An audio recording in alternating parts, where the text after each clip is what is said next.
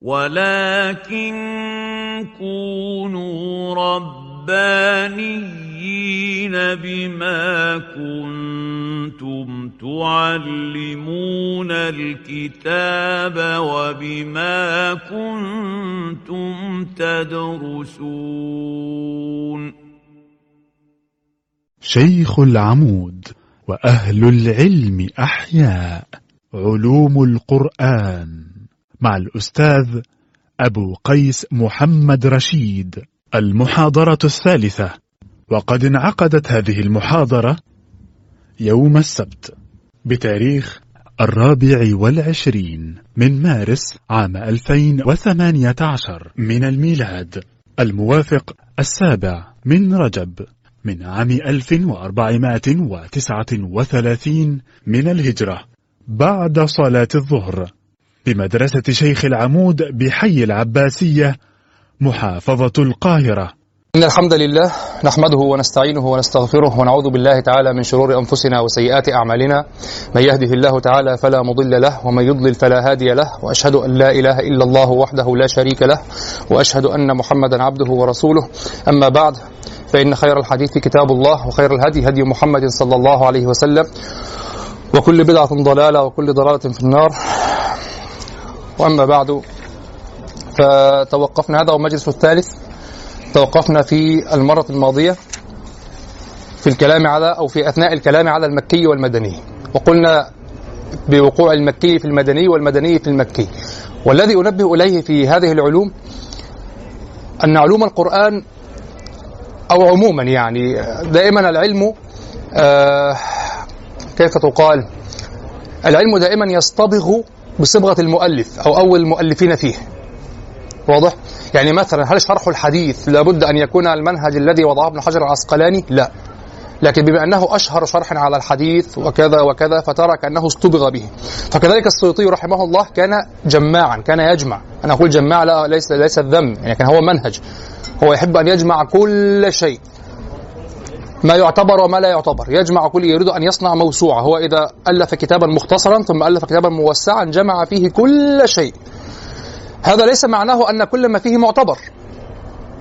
في النهاية يعني مثلا تكلم على الفراش والنوم. الفراش والنوم. انظر حتى عدم الربط بين المسائل. هو تكلم على ما يسمى بالفراش والنوم. عندك المكي والمدني. وتكلم فيه على الضابط في المكي والمدني. فقال هناك من يقول باعتبار المكان يعني ما نزل في مكة وما نزل في المدينة. ما نزل في مكة هو المكي وما نزل في المدينة هو المدني. طيب وهذا يقتضي وجود ما ليس مكي وما ليس مدني صح؟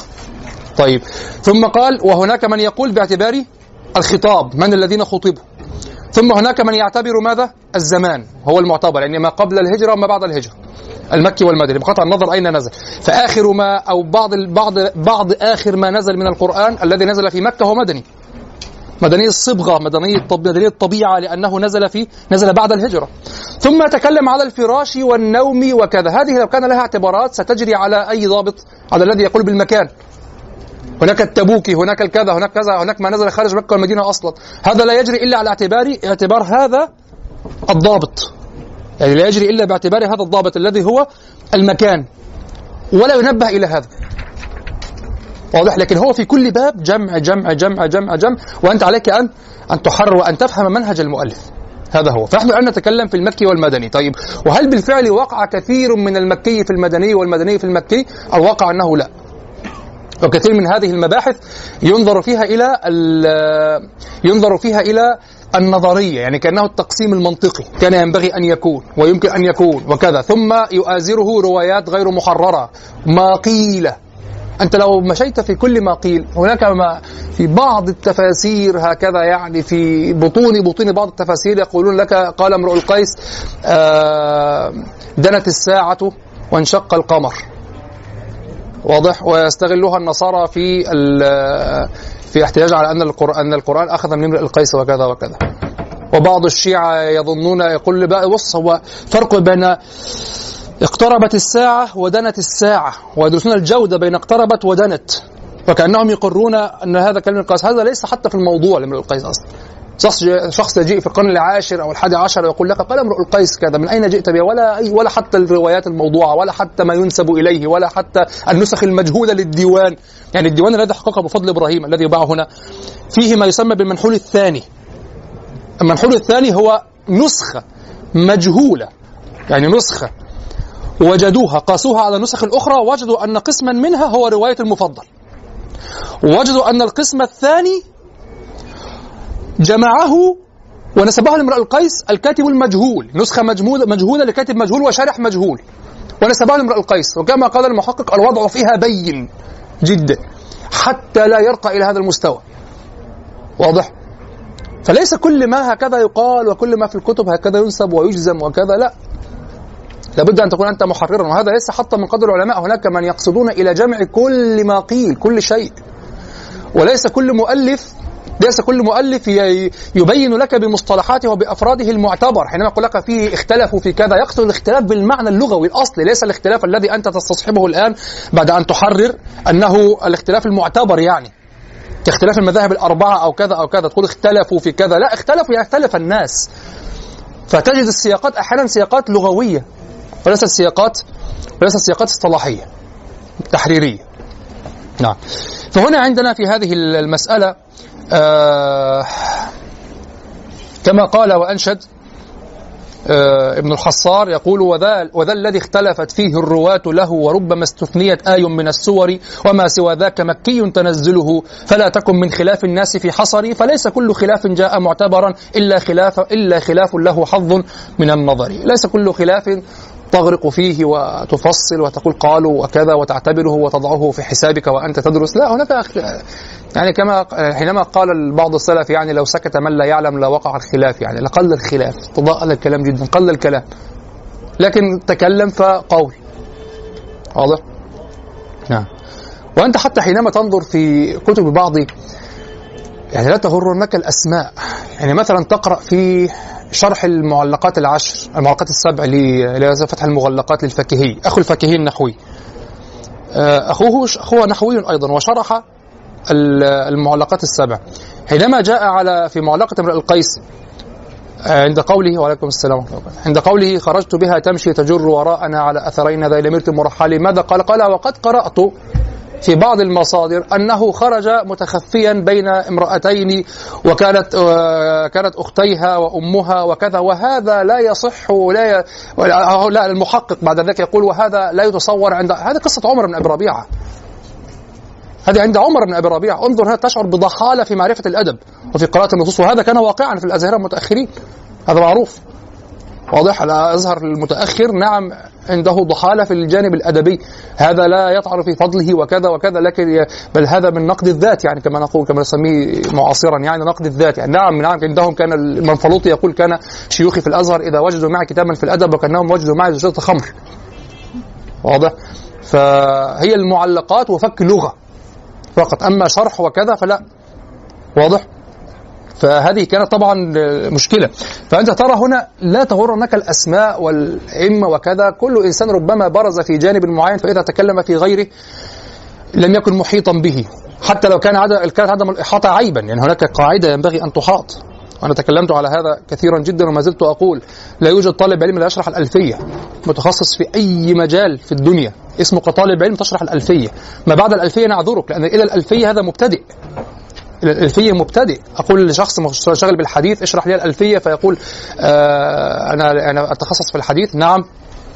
وكذلك مثلا في ألفية السيوطي أو ألفية العراقي زين الدين العراقي في الحديث. لا يوجد طالب علم متخصص في اللغة أو في الفقه في أي شيء لا يشرحها. هذه أسس هذه قواعد لكن قد يتصور عدم العلم بها خاصة إذا كان هذا المجال هو الأدب التطبيق الأدبي التطبيق اللغوي. يعني هذا بالفعل مهجور من قديم من قرون أصلا. وفيه خلل من القرون الأولى أصلا. تعرف هذا؟ يعني لا تستغرب. انظر إلى كلمة أبا عمرو بن العلاء.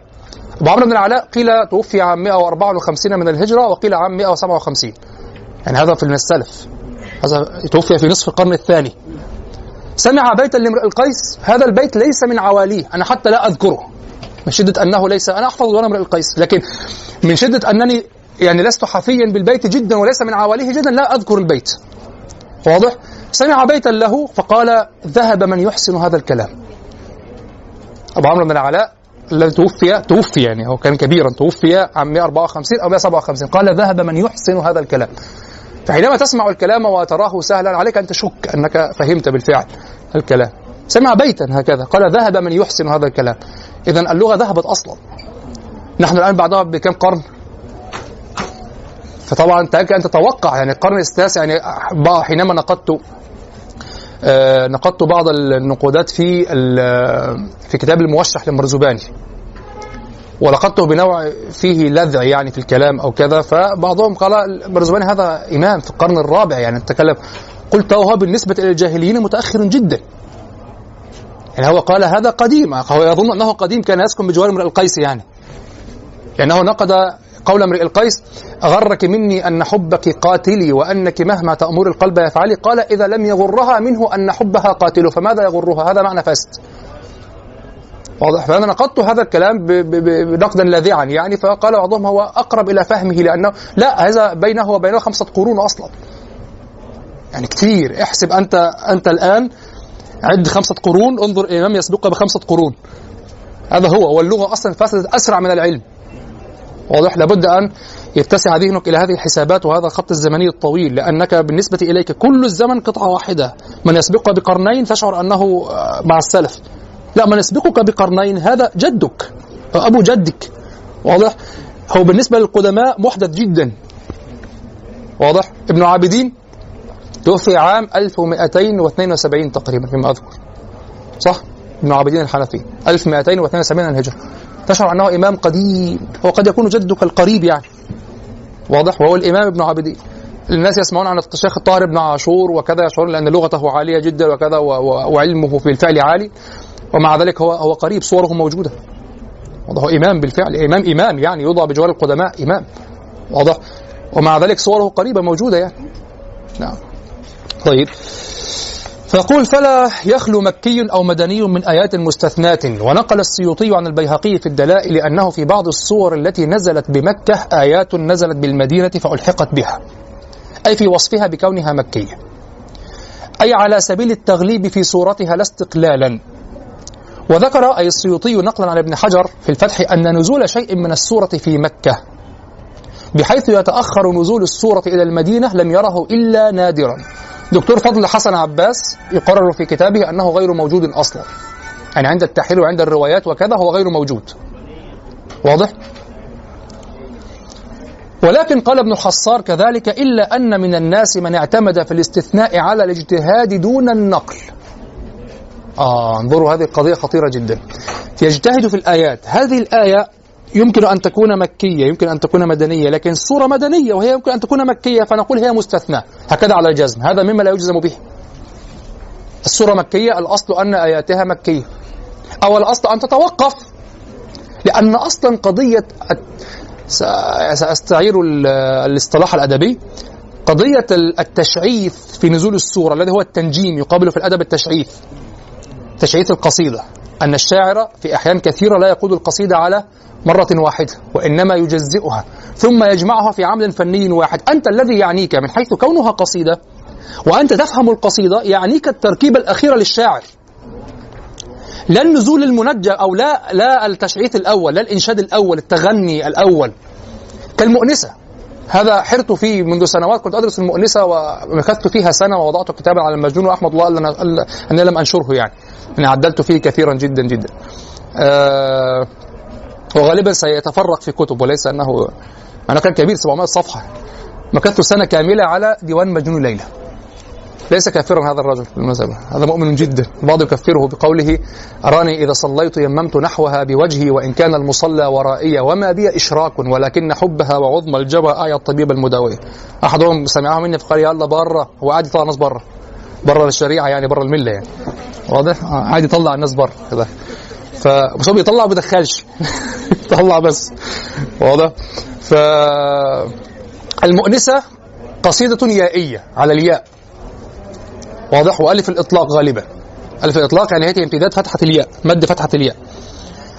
هذه القصيدة إذا قرأت سيرة المجنون وجدت أن كثيرا من أبياتها في الداخل لها مناسبات صحت. يعني لها مناسبة معينة فأنشد فيها ثلاث أبيات أربعة أبيات خمسة أبيات.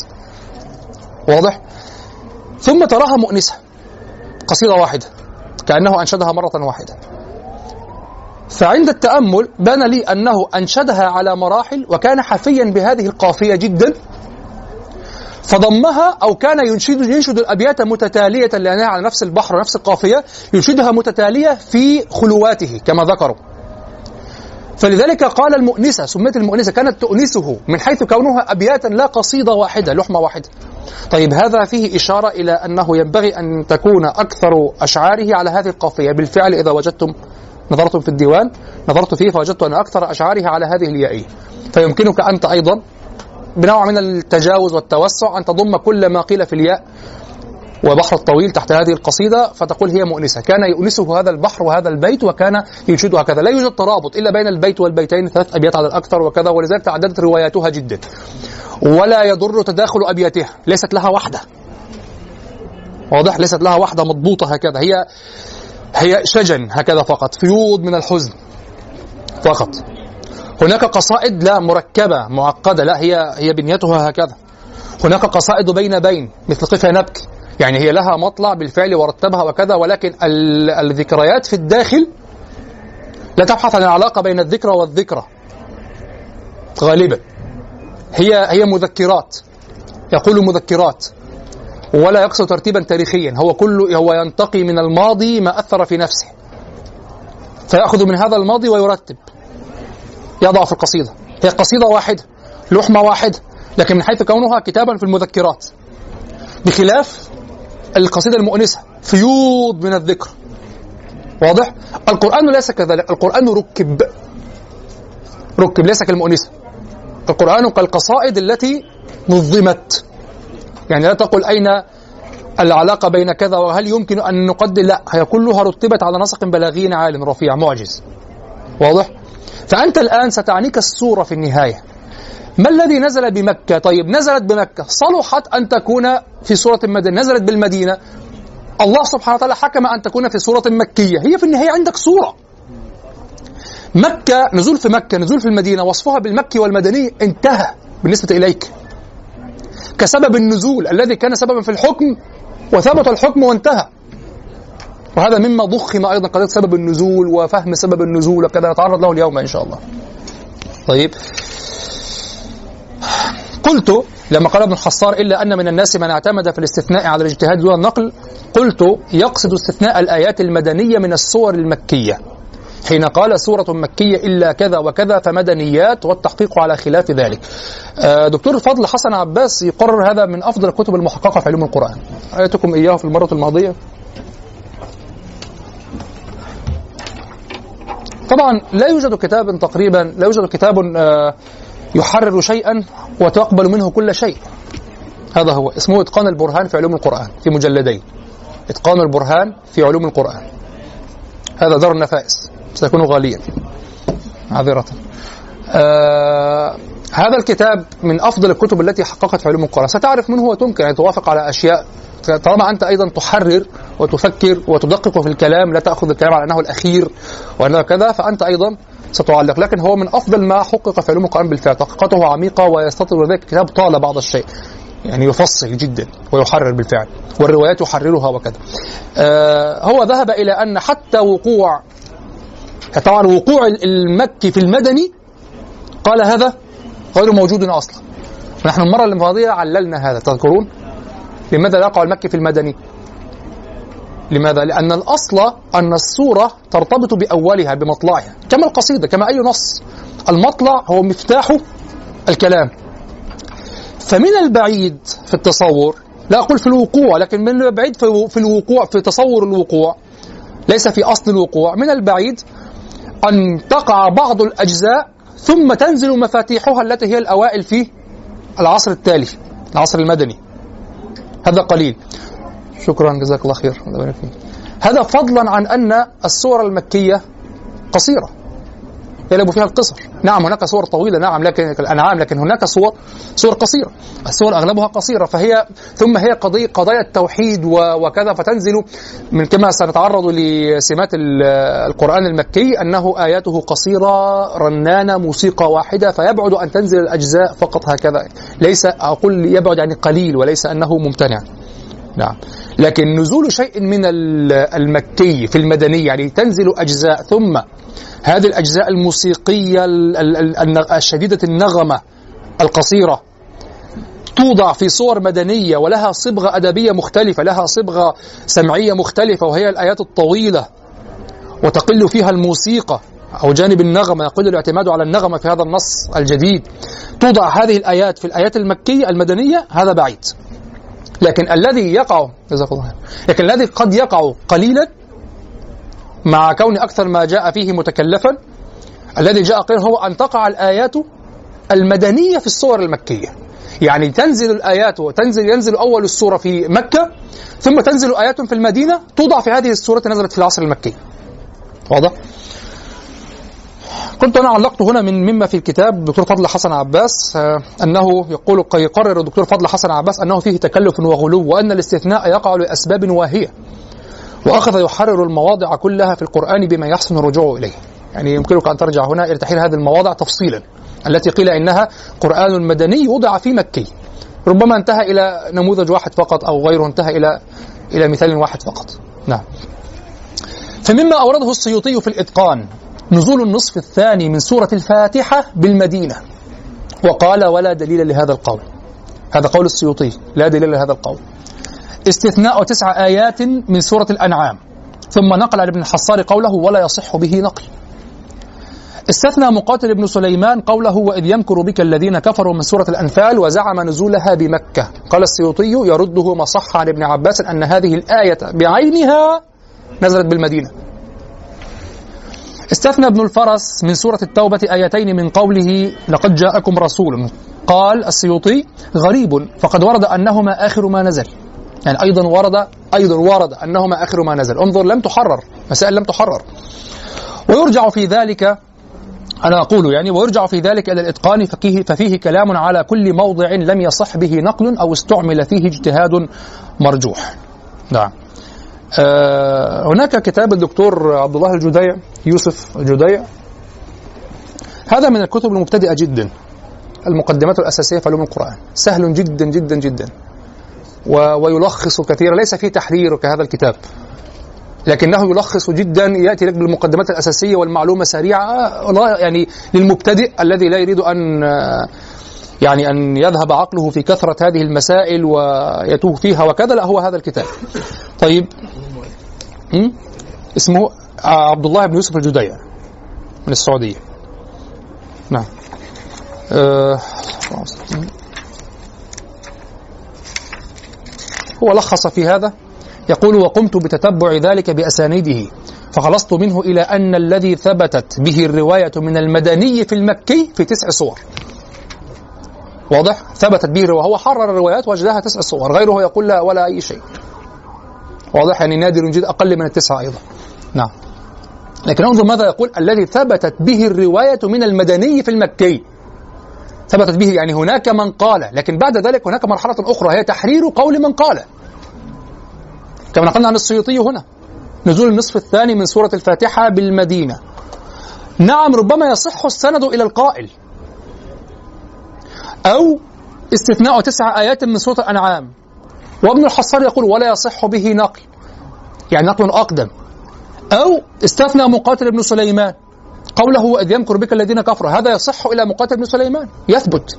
ولكن يرده ما صح عن ابن عباس أن هذه الآية بعينها نزلت بالمدينة. واضح؟ يعني يصح تصح الأسانيد في هذه التسع مواضع إلى أصحابها. بعد ذلك تحرر هذه الأقوال تسقط هذه الأقوال. نعم. ثم يقول وموضع مجيء المكي في المدني هو قوله تعالى في سورة الحديد ألم يأن للذين آمنوا أن تخشع قلوبهم لذكر الله وما نزل من الحق ولا يكونوا كالذين أوتوا الكتاب من قبل فطال عليهم الأمد فقست قلوبهم وكثير منهم فاسقون. قال هذا موضع واحد. الدكتور فضل حسن عباس كما قلت هذا كتاب حقق الأمر. هو ذكر هنا ما ورد. قال لا يصح أصلا يعني ولا حتى موضع. أنه ينزل المكي يكون جزءا من مدني. واضح؟ ثم انتقلت إلى مسألة أخرى وعن ابن عباس اعتبار فاتحة السورة يعني كيف نعتبر السورة مكية أم مدنية؟ هل ما نزل منها أولا؟ هل ما نزل ما فاتحتها مكية أم مدنية؟ أي إذا علمنا أن السورة توصف بكونها مكية أو مدنية وإن وقع في أثنائها ما هو بخلاف نسبتها فالاعتبار في نسبتها يكون بفاتحتها. فإذا نزل صدر السورة في مكة فهي مكية حتى وإن نزلت آيات منها بعد في المدينة وبالعكس. وهو نزول الشيء وهو نزول شيء من السورة في مكة ثم يكون اكتمالها في المدينة. وإن كان قليلا كما ذكره ابن حجر. هذا الميزان في الحقيقة حسن جدا جدا. لماذا؟ لأن دائما فاتحة العمل فاتحة النص العالي هي أو مفتاح النص العالي هو مطلعه. انظر إلى قفا نبكي. كل فهم قفا نبكي مرتبط بأول شطر في أول بيت. قفا نبكي من ذكرى حبيب ومنزلي. لو فهمت هذا الشطر فقط وظللت ممسكا بالخيط وأنت في كل القصيدة إلى 77 بيتا على الأقل رواية الأصمعي هذه هي أقل الروايات. إذا ظللت ممسكا بهذا الخيط الذي هو فقط في هذا الشطر في هذه الجملة قفا نبكي من ذكرى حبيب ومنزلي. ستفهم بعد ذلك كل القصيدة. إذا انفلت منك هذا الخيط وسهل أن ينفلت. سهل جدا لأنه رفيع ودقيق. على أنه قوي لكن رفيع ودقيق. إذا انفلت منك لم تفهم كل القصيدة. ولذلك أقول هذه القصيدة من أصعب القصائد أصلا. لماذا؟ آه، تحتاج إلى تركيز عال وإلى دربة أدبية عالية وإلى خيال عال وحس عال لتظل ممسكا بقفا نبكي من ذكرى حبيب ومنزلي. ستقف. ذكرى يعني تذكر ذكرى بمعنى تذكر وحبيب لم يسمه. وإذا كنت قارئا في الأدب ستعلم أن الغالب وأن الأصل حتى عند امرئ القيس أن يذكر الحبيب في الأول. سما لك شوق بعدما كان أقصر وحلت سليمة بطن قون فعرعر واضح؟ ديار لسلمى عافيات بذي خالي ألح عليها كل أسحمها الطالب. آه، دار لهند والرباب وفرتنا ولميس قبل حوادث الأيام. واضح؟ فهو عادة هو كل الشعراء الأصل أن يذكر أن تذكر الحبيبة. هذا الأصل معروف. بانت سعاد فقلبي اليوم متبول. أمن أمي أوفى دمنة لم تكلمي. آآ آه، آآ آه، يا دار ميت بالعلياء فالسند ودع هريرة إن الركب مرتحل. لكن قفا نبكي من ذكرى حبيب ومنزلي الغموض الذي في القصيدة بعد ذلك والإشكال الذي في فهم القصيدة هو في هذا الإجمال والتضبيب في حبيب ومنزلي ستعلم أنه نكئ قلبه للذكرى من حيث كونها ذكرى. نظر إلى هذه الحبيبة وهذا المكان من حيث كونه مكانا ومن لحبيبة ومن حيث كونها حبيبة لا بصفة أخرى. ولهذا احتفى بالمكان جدا. حينما قال بسقط اللوى بين الدخول فحوملي فتوضح فالمقرات لم يعفر اسمها سبحان الله ما قلته لكم الآن من أن الأدب لا يفهمه كل أحد حتى لو كان من العلماء. وهذا نص كلام الزمخشري الذي قرأناه في المقدمة مقدمة الكشاف. آه الباقلاني يقول ليس في هذا إلا ذكر الأماكن فقط. آه واحد الشيوخ العلامة آه، كان في برنامج يريد أن يعلي من القران يقول يعني شوف حتى يقول لك بسقط اللواء زي الدعيه لواء لواء لواء أرض اللواء. بتاع ميكروباص يعني. ارض اللواء لواء بيعمل يذكر أماكن. أنت تتخيل أن شاعرا فحلا كهذا يعني يذكر أماكن فقط هكذا؟ هناك الآن كتب أصلا مؤلفة في أدبية المكان ذكر المكان في الشعراء عند الشعراء. واضح. الشيخ آه، عبد الله دراز في كتابه النبأ العظيم. قال تشعر وكأنه يصف لك الدار يريد أن يبيعها يعني.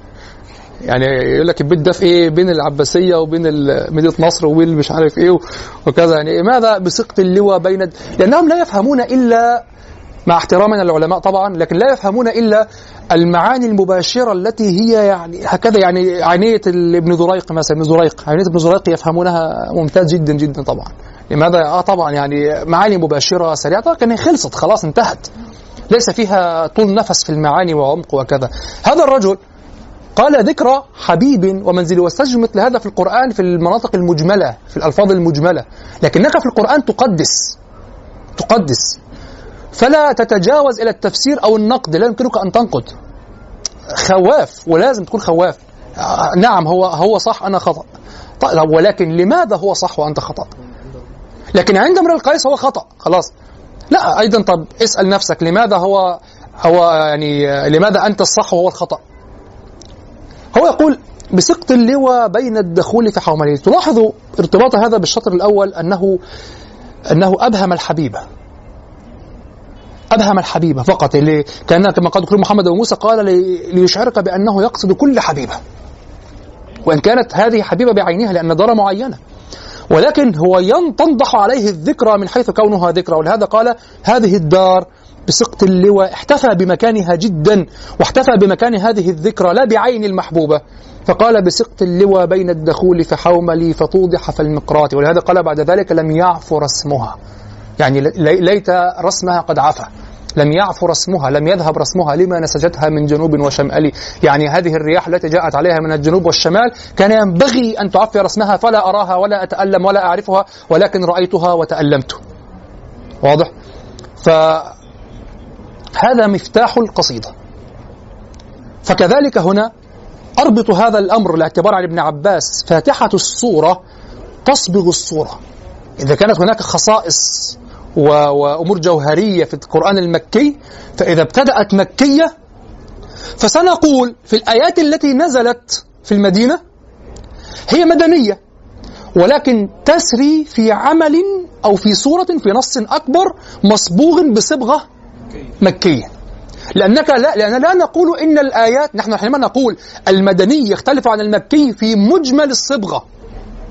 لكن على التفصيل يمكن أن تنتظم بعض النصوص المدنية انتظاما مكيا. طب ولماذا قلت مكيا؟ لأول السورة. أول السورة صبغة مكية. فانتظمت. طيب لو أول السورة صبغة مدنية على أن هذا كما قالوا لم يقع. لو أن أول السورة صبغة مدنية. نعم صبغة مدنية وانتظمت مك... وانتظمت نصا مكيا. لكن لم تنتظم نصا مكيا طويلا. إنما اندرج هذا النص المكي بصبغته الجزئية ليصير جزءا من النص المدني. بصبغته المكية يصير جزءا من النص المدني. وهذا يبرز لك ال- القضية الأعظم في فهم الأدب وهي فهم وحدة العمل. وأن كل نص هو تشكيل لغوي يتفاعل مع بعضه ولا يمكن أن تفصله. لا يمكن أن تفهم البيت منفصلا هكذا خارج القصيدة أبدا على وجهه. بعض الأبيات إذا بل كثير من الأبيات لو فصلتها من القصيدة انطفأت. هذا عند امرئ القيس. لأن تفهم هذا ال- الشحن العاطفي العالي. في داخل القصيدة في داخل البيت إلا حينما يكون محملا من سياق القصيدة. إذا فصلته في الخارج ولا شيء. ينطفئ. هكذا أغلب شعر امرئ القيس. إلا التشبيهات التي تلفت نظرك من حيث نفسها. يعني مثلا آه، حينما يقول في آل عين صباحا يقول ماذا؟ يقول كأن آه، كأن قلوب الطير رطبا ويابسا لدى وكرها العناب والحشف البالي. أنت تنشغل فقط في جمال التشبيه وقدرته البارعة على التصوير والتركيب اللغوي وكذا. لكن الانفعال والشحن وفهم حقيقة هذا البيت لا يكون إلا في السياق لأنه يشبه به الفرس التي دخل بها أرض قوم. ويذكر أرض القوم يرد بها على البسباس. التي قالت لا لا تحسن شيئا. لا بالعكس هناك مرحلة أخرى. يتحسر على الحال التي بها قالت بسباسة هذا الكلام. فهمتم؟ يعني هناك تسلسل في القصيدة. تحتاجون إلى طول نفس في المعنى. هكذا القرآن بالضبط. نحن مشكلتنا أننا نسلم. وتظل التساؤلات في نفوسنا في الداخل. في داخل نفوسنا. نحن لا نفهم القرآن. لكن نحن أنا لا, لا أشعر بهذا المعنى. أحدهم صرح لنا في مرة قال هو مين بيكلم مين على الالتفات؟ يرى الضمائر تختلف فجأة الضمائر تلفت. هو مين بيكلم مين؟ هو ربنا كان بيكلم الرسول بعد كده ربنا بقى بيكلم اللي كان بيكلم عنهم الرسول. هو مين بيكلم مين؟ صلى الله عليه وسلم. مين بيكلم مين مين اللي كاتب الحوار ده؟ هو إيه الموضوع؟ لما يطمئن لك هيطلع حاجات في قلبه.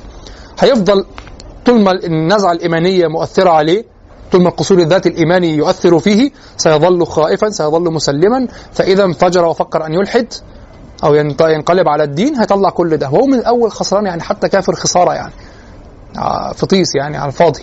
ليه؟ لأنه أنت لم تسأل لم تدرس لم تكفر عن علم. هو كفر جهلا. واضح؟ لم تدرس يعني لم تدرس الالتفات وكفرت بسبب الالتفات. وأنت لم تدرسه وهو موجود في ألف باء البلاغة. واضح؟ نعم فلا هذه نحن نسلم فقط للصورة. الصورة كالقصيدة من هذه الجهة. طبعا لا أتكلم عن المرتبة البيانية الصورة في أصول اللغة أصول اللسان لأن الله يقول بلسان عربي مبين. انتبه قول الله تعالى بلسان عربي مبين. لا يقصد به ابتداء وقصدا النحو. العرب لا يخطئون في النحو. لا يتنافسون في البيان بعدم الخطأ في النحو. لا يوجد. وإنما بمستوى البيان وبطرائق البيان. واضح؟ فبلسان عربي مبين بنية القصيدة تنعكس في الصورة المعجزة على بنية الصورة. وتشعيث القصيدة الذي يفعله الشاعر يقابله في الصورة النزول منجما على مراحل. حتى قيل انزل المكي في المدني والمدني في المكي. لكن الأغلب الأغلب أنه في المرحلة الواحدة بسبب قرب الطبيعة في المرحلة الواحدة تنزل الصور متفرقة في المرحلة الزمنية الواحدة. لأن المكي والمدني الطبيعتان تختلفان. هذا هو. ثم قلت مسألة جديدة ولهم في تمييزه ضوابط. يعني إذا الاعتبار هنا فاتحة الصورة. فهمتم ما وراءه. لن تجدوا في كتب علوم القرآن إلا آه اعتبار فاتحة الصورة فقط. لكن لماذا كان فاتحة الصورة؟ لأن الصورة في الغالب هي الفاتحة التي تصبغ الصورة. تصبغ الصورة. فلذلك إذا قلت مكية نعم يليق أن يكون من أولها. لماذا الصبغة لكن لا تكون في هناك صبغات مكية في الداخل. والمطلع مكي وأقول هي مكية أو أقول هي مدنية. مدنية في الداخل والمطلع مكي وأقول هي مكية مدنية. فقط. وهي تبدأ تبدأ أقول مدنية وتبدأ مكية أو العكس. لا هي المطلع يصبغ القصيدة. ثم قلت ولهم في تمييزه ضوابط. أي في تمييز القرآن مكيه ومدنيه. هذه ضوابط ليست خصائص. ما معنى الضوابط؟ يعني بعد أن عرفوا المكية والمدني وجدوا أشياء كعلامات. يقولون لك انظر لو وجدت مثلا يا أيها الناس فكذا ويا أيها الذين آمنوا فكذا. لو وجدت كلا فكذا. هذه علامات مستقرأة. قد لا تكون مرتبطة بالمعنى. انتبهوا. قد ترتبط وقد لا تكون مرتبطة.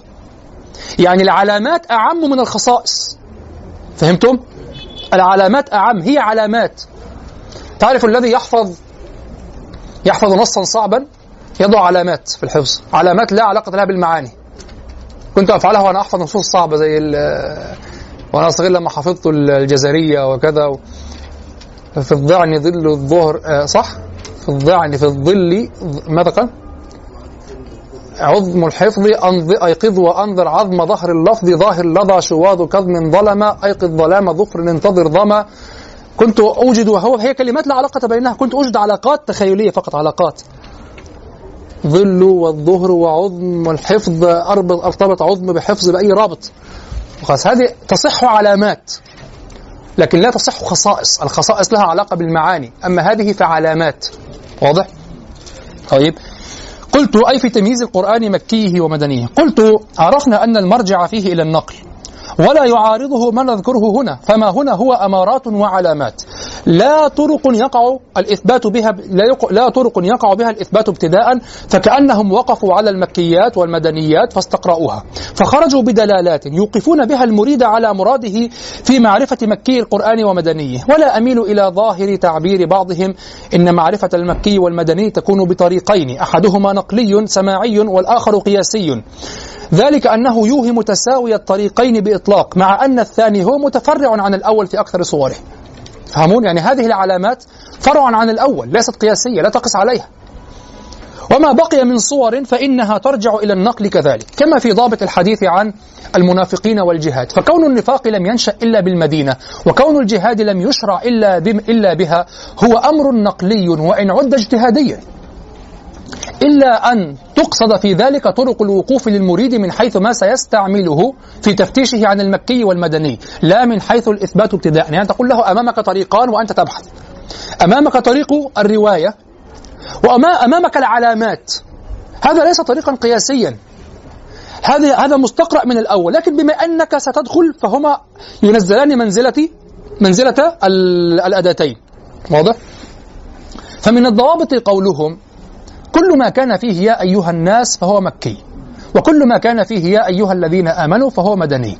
لكن سبق أن ذلك غير مضطرد. فالسورة التي تذكر فيها البقرة كانوا في القديم يقولون السورة التي تذكر فيها البقرة. يقل أن تنسب السورة هكذا سورة البقرة سورة النساء. لا السورة تذكر فيها البقرة. واضح؟ فالسورة التي تذكر فيها البقرة وكذلك السورة التي فيها النساء قد وقع في كل منهما كل من الندائين. مكة يا أيها الذين آمنوا يا أيها الناس. لأن خطاب المؤمنين يقع في مكة وفي المدينة. ودعوة غير المؤمنين مستمرة حتى في المدينة مع أن الخطاب للمؤمنين. مستمرة. واضح؟ فيا أيها الناس تقع في المكي والمدني. لكن قد يكون الأمر أغلبيا فقط. أغلبيا. يعني يا أيها الذين آمنوا كثير بالنسبة ليا أيها الناس في العصر المدني لماذا؟ هناك دولة قائمة. واضح؟ هناك دولة مولانا. أحيانا ما يكونش في دولة أصلا. تجمع سكني. وعصابة قلت يشكل على ذلك الحديث الذي أخرجه الحاكم في المستدرك وصححه على شرط الشيخين وفقه الذهبي أن عبد الله بن مسعود رضي الله عنه قال ما كان يا أيها الذين آمنوا أنزل بالمدينة وما كان يا أيها الناس فبمكة فليس من اليسير رد كلام ابن مسعود رضي الله عنه وهو من هو. فيقال يمكن حمله على أن المراد منه الأغلب والقدماء كلامهم بالمناسبة كثير جدا ما يكون أغلبيا. قضية التحرير المصطلحات و... وتقصد كذا أو كذا هذا هذا عند تحرير العلوم في المتأخرين. أما القدماء فكانوا يتكلمون في سياقات بيئية تفهم المراد.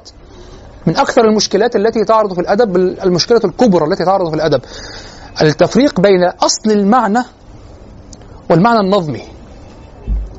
يعني المعنى قبل أن تضعه في شعر وبعد أن وضعته في شعر. فيطلق المعنى على كليهما ويطلق على الثاني أيضا اللفظ ولا يراد به اللفظ الذي هو الصوت يراد به المعنى. يعني آه الجاحظ له كلمة شهيرة جدا أربكت النقد الأدبي العربي. يقول آه المعاني مطروحة في الطرقات. يعرفها العربي والعجمي والقروي والبلدي يعرفها كل الناس وإنما العبرة باللفظ. فظن بعض الناس أنه يقصد الكلمات الجميلة الألفاظ الحسنة كذا لا. المعنى الذي يقصده الأول هو أصل المعنى الذي يشعر به الناس جميعا. أصل الفكرة. قبل أن ينفعل بها الشخص. فتنتج معنى جديدا هو المعنى النظمي معنى الشعر. أسميه المعنى النظمي والمعنى الشعري. واضح؟ هذا الذي هو النظم الذي تتكلم عنه عبد القاهر في الدلائل. ولذلك يقول عبد القاهر انظر ماذا يقول. يقول لا يتطابق الم... لا يتطابق المعنيان إلا بتطابق صيغ البيتين. لا يقال في بيتين إنهما تطابقا ما اختلفت الألفاظ. لو اختلف لفظ واحد اختلف تقديم وتأخير. لا يصح. لو لو حصل تقديم وتأخير ليس فقط كلمة بمرادف حتى المرادف على المرادف هناك اختلاف يقع. لكن لم يحتفي به عبد القاهر. عبد القاهر احتفى أكثر بالنظم بالتقديم والتأخير. فقال لو وقع تقديم وتأخير واحد لا يقال البيت في المعنى البيت. البيت فيه في أصل معناه في أصل معناه وليس في المعنى الجديد الذي خرج فيه. مطلقا. أصل المعنى في الأول قبل أن يتشكل. هذا هو المعنى ونبه على أن هذا هو المعنى الذي قصده آه، الجاحظ أنه ملقى في الطريق. طيب لماذا قال المعنى الثاني اللفظ؟ لأنه لا يحصل إلا باللفظ أصلا. ولذلك قال الشعر ضرب من التصوير والصياغة. الجاحظ يقول الشعر تصوير وصياغة. ليس أصل المعنى كيف يكون. ولكن كيف صغت المعنى؟ فأول ما تتكلم على الصياغة تتكلم عن ألفاظ. فيقولون فيها ألفاظ.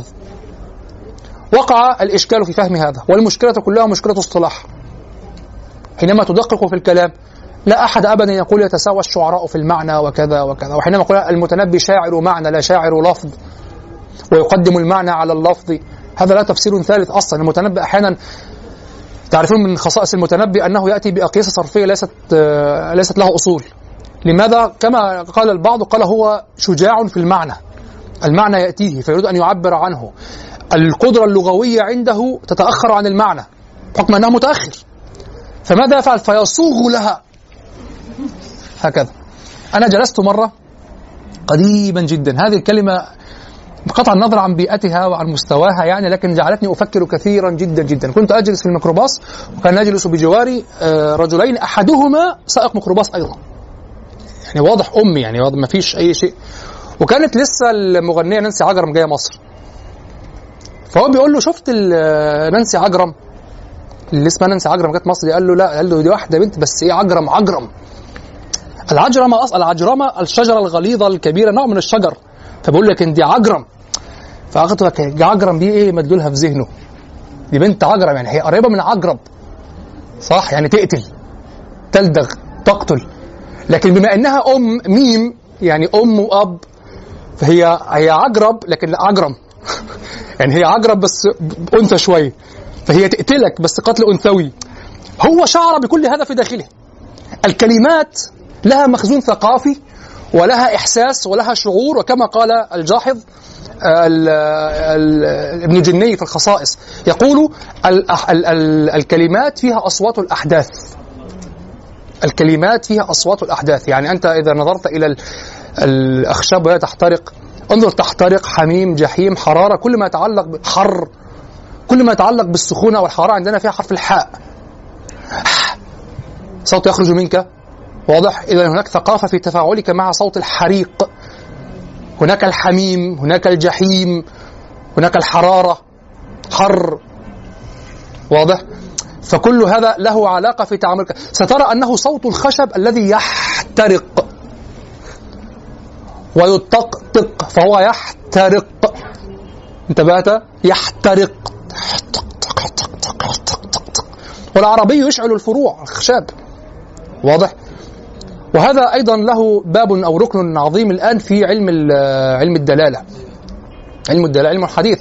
أو أحد أهم علوم هو يعتبر أهم علوم اللسانيات الحديثة التي صدرت عن الاتجاه النصي لتفسير في النقد الحديث. آه، أهم علم في هذه العلوم أو هو رأسها وثمرتها علم الدلالة. علم الدلالة دلالة الكلمة في المكان. واضح؟ من ضمن مصادر الكلمة صوتها. لكنهم متفقون اللسانيون متفقون على أنه لا يشمل كل الكلام. بدليل على الأقل هناك الحروف الحروف ان من وإن وعلى متحدة في كل الكلام وليست آه لا تدل على شيء. لكن الأفعال التي فيها حركة فيها حركة مع زمن واضح؟ الأفعال المضارعة التي تجعلك ترى الشيء يحدث سترى تسمع فيها صوت الشيء. واضح؟ فيعني هي على درجات يعني. تفضل اللفظ هو معنى داخل النص دي كده موجوده مثلا في المعجم يعني اللفظ تعريف هو المعنى داخل النص موجوده في طيب. لا لا لا. ال- اللفظ أنا سأتعرض لهذا إن شاء الله بالتفصيل. اللفظ اللفظة الواحدة معناها المعجمي هو أحد مكوناتها. هو شرط لها هو نواة تبنى عليها. قدر مشترك بين كل المواضع. هي عرقية ترجع إليها. لكن بعد ذلك هي تشكلت تشكلا جديدا جدا أصلا. واضح؟ ولهذا كتاب الوجوه والن... ال- الوجوه والنظائر للدمغاني مبني على هذا. يأتي ويقول كلمة كذا جاءت في القرآن مثلا بخمسة عشر معنى ويحصر ورودها في القرآن في خمسة عشر موضعا ويقول بخمسة عشر معنى. يعني هي في كل موضع بمعنى. واضح؟ قضية تحول الدلالات تكلمت عليها في آل عم صباح لكن المشكلة أن أغلب الحضور الذين أراهم لم يحضروا آل عم صباح. هذه المشكلة مثلا قول الجاحظ اللي هو ال- مع انه الخط الخط كده الناس ما بيفهموش ان اللفظ اصله المعنى داخل النص دول ما فهموش يعني عشان هو مش موجود كده في المعجم أصلا لا القدماء فهموها. لأنهم يفهمون يفهمون تلقائيا أنه قطعا أنت لا تهمل المعنى في أصله. قطعا لا تقصد أن المعنى أي شيء. لا لا تهمل المعنى. أنت تقصد أن أن العبرة بالألفاظ التي صنعت معنى جديدا. هذا هو. أنا أقول في الأول أصل المعنى وأقول في وه- وهذا استعمله عبد القاهر. وأقول في الثاني المعنى النظمي أو المعنى الشعري. المعنى النظمي أو الشعري. لابد أن تنضبط المصطلحات. خلاص انتهت. نحن الآن في عصر المصطلحات. لماذا؟ طيب لماذا في عصر المصطلحات؟ لأن ال- المعاني كانت حاصلة في النفوس قديما. فإذا جاء بلفظ قريب فهم هو يعني الآن هذه اللفظة تستعمل هنا وهنا وهنا. لكن في هذا السياق هي أقرب إلى هنا. فلما قريبة يعني. واضح؟ لكن يعني مثلا حينما يقول امرؤ القيس فقلت لها سيري وأرخي زمامه فين سيري؟ أين سيري؟ هي تركب على البعير. سيري وأرخي زمامه كيف سيري؟ كما قال محمود شاكر هذا ليس معنى المعجمية. ليس المعنى المعروف في المعجم. بل بل تجاوز لكن لعله يعني يعترض عليه في هذا. يعني تجاوز وقال آه وهذا معنى لم يرد في المعجم وينبغي أن يدون أصلا. هذا معنى آخر. قال سيري يعني اطمئني وكو ودعيه على هينته. هذا هو سيري بمعنى اطمئني وارخي ارخي زمامه وكذا يعني لا تقلقي. يعني هذا معنى سيري هنا. هذا ليس معنى سيري هو تحول دلالات وسياقات مختلفة للكلمة. فسيري في هذا السياق كما قال ابن القيس أيضا في عام صباحا بما احتسب من لين مس وتسالي الاحتساب هو الاكتفاء في الأصل. فإذا فسرته وقلت إذا يعني جئت بالمرادف وقلت في النص وضعته في النص وقلت بما اكتفيا من طيب مس وتسهيل ضاعت. بما اكتفيا من طيب مس وتسهيل لطيفة طيب قال آه كحقف النقى يمشي الوالدان فوقه بما احتسب. قال بما اكتفيا لا هي احتسب هنا تدخل فيها أيضا الاطمئنان. أن أن القدم لن تنجرح من صخرة أنهما هما يقفزان يجريان عليه أو كذا لن تدخل صخرة في في يعني أو لن ينجرح بصخرة بسلخة من صخرة أو كذا. لا هو رمل كثيب فهي كذلك يعني عظامها بعيدة ليست عظاما قريبة من الجلد يعني. واضح؟ يعني عظام غائرة. فهو كذلك يقول بما احتسب يعني بما اطمأن من لين مس وتسهاله واضح؟ فالألفاظ هنا تصطبغ ومحمود شاكر نفسه رحمه الله قال قال هذا هذا ماذا سماها؟ قال ال- الإسباغ سماها الإسباغ. أن الكلمة أسبغ عليها من معان أخرى. كثيرة لا يمكنك في النص أن تفسرها بنفس المعنى المعجمية. لا أسبغ عليها. لونت وشكلت ولم تأتي. لما أقول لك يا أخي هذه أم.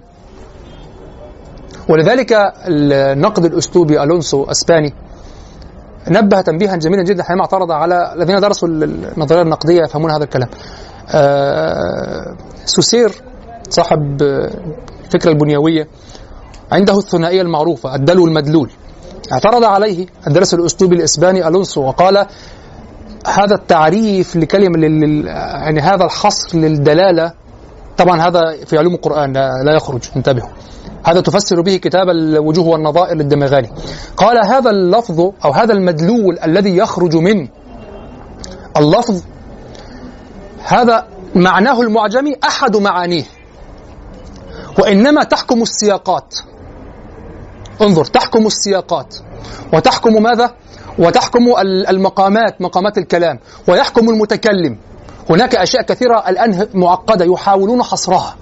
علماء اللسان واللغة علم علماء الدلالة يحاولون حصرها. ما الذي يؤثر في الكلمة في سياق معين؟ يعني مثلا انظر امرأة ذهبت بابنها عند صديقة. هذه الصديقة عندها آه، نوع أنواع من التحف. التي لا تعوض بمال. فرأت ابنها يلعب فيها سيكسرها فقالت له عمر! عمر! اللغة تناديه فقط صح؟ لكن هل السياق تناديه؟ هل عمر تساوي تناديه؟ تساوي ماذا؟ سأفعل فيك ته- تتهدده طيب هي تكره هذه الصديقة وتحب أن تكبدها الخسائر. عمر! عمر إذا سمعها عمر آه آه يعني لو كسرتها مش تعمل لي حاجة. هذا هو المعنى. عمر طب ما الذي حكم السياق؟ أن تعرف من الأول علاقتها بهذه الصديقة. فهمت؟ أن تعرف علاقتها بهذه الصديقة. ولذلك قلت لكم لما قالت البسباسة لامرئ القيس لما قال امرئ القيس ألا زعمت بسباسة اليوم أنني كبرت وألا يحسن الله أمثالي؟ قلت السياق لم يدلني كيف قالت هذه الكلمة. ربما قالتها حزينة أصلا. فهو أخذها على نفسه كما يقول وجاءت على جرح نكأت جرحا وكذا فانفجر بالكلام وليس شرطا أنها قالت قالتها تتهكم به لأن- لأنه أصلا يحب البسباسة. وبعد ذلك لما أنشد سما لك شوق بعد ألأ أم صباحا وهو في الشام قال له الويل إن أمسى ولا أم هاشم قريب ولا البسباسة ابنة يشكره انتبهوا هذه الأشياء خطرة جدا. أنت إلى الآن لا تعرف لماذا؟ تقدم الآيات ال- تقدم الآيات المنسوخة على الناسخة في القرآن أو الناسخة على المنسوخة في القرآن. تأتي الآيات المنسوخة أولا أو الناسخة أولا ثم المنسوخة. فلا لا, لا تجد عند العلماء إلا أن يقولوا للتعبد بالتلاوة. لا هناك سر في النص أصلا. هناك سر في النص. هذا هو الطريق من شعر العرب ومن فهم دلالة الألفاظ. ومن هنا تجيبون أي أحد يطعن في القرآن. يقول انظر هو مرتب على غير هدى يعني مرتب على غير معنى بدليل أنه أتى بالآيات الآيات المنسوخة المنسوخة بعد الناسخة مع أن الترتيب يعني ينبغي. طب سيقال لهم يعني الآيات هذا يعني هل هم على زمن قراءة السورة ما بين ثلاثة آيات؟ يعني في ظرف ثلاثة آيات بين الناسخة والمنسوخة تمكنوا من الفعل ثم لا ليس كذلك. القرآن نزلت هذه الناسخة المتأخرة التي هي متأخرة في الصورة الثانية نزلت أولا ونزلت الأولى ثانيا. لكن هذا الترتيب يجبرك على أن تبحث في تشكيل اللغة في الصورة لماذا قدم هذا؟ الأمر لا يتعلق بالحكم فقط. هناك شيء في النظم نفسه. هذا التي قالت له عمر أو عمر من أين فهمت عمر أو عمر؟ من السياق. واضح. السياق هو الذي حكم أنت ماذا تقصد؟ هي كلمة عمر بن أبي ربيعة حينما قال آه حينما قال فيا لك من ليل تقاصر طوله وما كان ليلي قبل ذلك يقصر الحقيقة أن عمر حينما قال هذا هناك شيء أيضا يدل عليه النص وهو انظروا أنا ألعب بشير من القيس أنا متمكن. هذا من مدلول الكلام. أمر القيس ماذا يقول؟ فيا لك من ليل كأن نجومه بكل مغار الفتل شدت بيذبله. فقال عمر بن أبي ربيعة فيا لك من ليل تقاصر طوله وما كان ليلي قبل ذلك يقصر. لو أنك لا تعرف بيت امرئ القيس ستفسره هكذا فقط باللغة. لكن وجود بيت امرئ القيس الذي يعرفه عمر ويعرفه كل الناس في زمان عمر جعل لهذا السياق أو هذا السياق هذا المجموع جعل لهذا البيت معنى يؤخذ من البيت نفسه. هذا أنا أسميه عندي في اصطلاح الآن سمته المدلول المحصل. يعني كلمة المدلول فقط يفهم منها ربما مدلول اللغة فقط أو مدلول المعنى المعجمي. لكن المحصل يوحي بأنك جمعت وحصلت ونظرت في ظروف النص المعين وجمعت مجموعا هكذا. طيب امرؤ القيس يقول فلما أجزنا ساحة الحي وانتحى بنا بطن حقف ذي ركام عقنقلي قال عمر فلما أجزنا ساحة الحي قلنا لي أما تتقي الأعداء والليل مقمر؟ من ضمن معاني البيت انظر أنا أحاكي انظر أنا محترف إذا لم يقلها لا قال. هذا مأخوذ من البيت. هذا من المدلول المحصل للبيت. القرآن فيه نفس الكلام. لا يمكنك أبدا أن تفهم النص القرآني بدون مستصحبات أخرى حتى وإن لم تشعر. بدليل. قوله تعالى وقودها الناس والحجارة الناس لفظ عام. الناس لفظ عام. كيف وقودها الناس والحجارة؟ يعني كل الناس الناس والحجارة وقود النار. إذا لماذا نعبد ولماذا نفعل؟ لماذا جاءت الرسالة أصلا طالما وقودها الناس والحجارة؟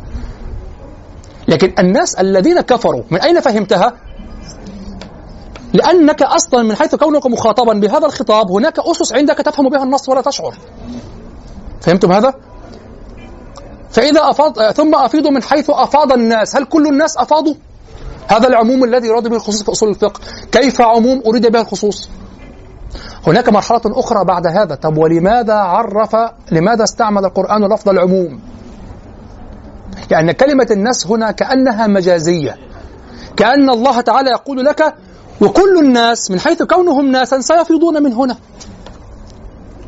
وقودها الناس والحجارة قد يكون فيه إشارة إلى أن أكثر الناس يدخلون النار. لأن استعمال لفظ العموم هنا ليس ليس اعتباطيا. هناك علة بلاغية. فهمتم؟ إذا درست جيدا نظريات اللغة واللسان وعلم الدلالة وغصت في كلام العرب وجعلت دراسة كتب البلاغة للعرب جزءا من الدراسة البلاغية العالمية أصلا ثم قرأت الرسالة للشافعي وقفت على منهج القرآن في البيان. اقرأ الرسالة للشافعي. لكن دقق لا قراءة أصول فقه. خلاص أنت الآن عقلك أوسع من أصول الفقه. عقلك في اللغة التي خلقت أصول الفقه. واضح؟ بالمكونات الأخرى للأصول هي التوحيد والتصور الأحكام. لكن الآن اقرأ الرسالة للشافعي بهذه اللغة. لن تستطيع أن تفهم القرآن أو حتى قال الشافعي قال والناس متفاوتون في هذا. العربي يتساوى عنده العام الذي يراد به العموم والعام الذي يراد به الخصوص يتساوى في الفهم لأنه أصلا السياقات عنده في لغته سليقية مفهومة. أما الذي تعلم اللغة سيحتاج إلى تفصيل واستثناء. أنت الآن تستعمل وقودها الناس والحجارة أنت عقيدتك جعلتك جعلتك تفهم وتخالف حرفية النص دون أن تشعر. وأن تقول هذا هذا هو النص. فهمتم؟ عمر عمر أنت فهمت من هذه من هذا النداء أو من السياق المحكي في الرواية أو القصة أو كذا فهمت أن النداء تهديدا. ومن هنا يظهر أثرك في أداء القصيدة أو في أداء القرآن. حينما تنفعل هناك من ينفعل وخلاص ترى انفعاله ترى انفعاله لا علاقة له بالنص. يعيط على طول أو يتنرفز على طول. لكن الذي يفهم النص ويفهم دلالات النص وسياقات النص سينفعل مع كل لفظة بحسابها. نعم. تفضل. المحصلة. المحصول. ده كتير الدلاله المحصله يعني إيه ممكن الناس تفهم حاجة من الدلاله المحصله وناس سيختلفون. لا حسب بحسب فهمك. ولذلك النص الأدبي معقد في الحقيقة. بحسب فهمك للسياق. السياق خلق عندك جوا معينا. يعني مثلا هذا الذي يلعب في الأشياء أنت ترى الآن. هذه تحب هذه الفتاة. هذه المرأة تحب هذه المرأة صديقتها. وهذه المرأة عندها عقدة القديم. ورثت أشياء عن أهلها لا تريد هناك بعض الناس هكذا بالمناسبة. عارف بعض الناس يحتفظ بأشياء الفريزر. سنين مش عايز يرميها عشان أبوه وأمه ماتوا وهي موجودة فهو عايزها زي ما هي. إذا راح الولد يخرج حاجة من الفريزر فأنت وهي وأنت تعرف أن هذه الفتاة صاحبة هذه وتعرف القصيد القضية وتعرف أنها تخاف عليها وعلى مشاعرها. فقالت له عمر ستعرف كم التهديد في عمر. من السياق الذي لا يعرف لا يعرف. ومن هنا يصعب فهم الشعر الجاهلي جيدا لأن السياقات مدمرة تقريبا. بقيت لك التشكيلات اللغوية. أما السياقات فذهبت في التاريخ. بخلاف المتنبي عندك من المعلومات والقصص وكذا ما تفهم به القصيدة آه ده هنا هنا صادق هنا لا يكذب. لكن أنت لا تعرف هذا الذي مدح شخصا في الجاهلية يمدحه على حق أم ليس أم ليس على حق أو كذا. زهير بن أبي سلمى تعرف أنه يمدح على حق لأنه أنت تعرف من سيرته أنه لا يريد شيئا من الدنيا أو المال أو كذا أو كذا حتى وهو في الجاهلية. وتعلم أنه رجل محب للخير وكذا. فأنت فهمت أنه يمدح بحق. هنا. واضح؟ بخلاف الأعشى. نعم. لما يجي ده ممكن يعمل مشكله كيف؟ أكثر البيئة التي تفهم بها نص القرآن هي بيئة التوحيد بيئة العقيدة وبيئة التربية والتزكية الإسلامية. ولهذا قالوا تعلمنا الإيمان. خلينا نخش في تفاصيل اكشف اللي في الورق. ولذلك قالوا تعلمنا الإيمان قبل القرآن. ولا يزيدن كثيرا منهم ما نزل إليك من ربك طغيانا وكفرا. بعضهم يأتيه على بيئة معينة فيزداد كفرا. والذي تعلم الإيمان قبل القرآن زاده القرآن إيمانا. بنص حديث السلف أو كلام السلف. واضح؟ هذا البيئة التي جاءت فيها جاء فيها الكلام. طيب. آه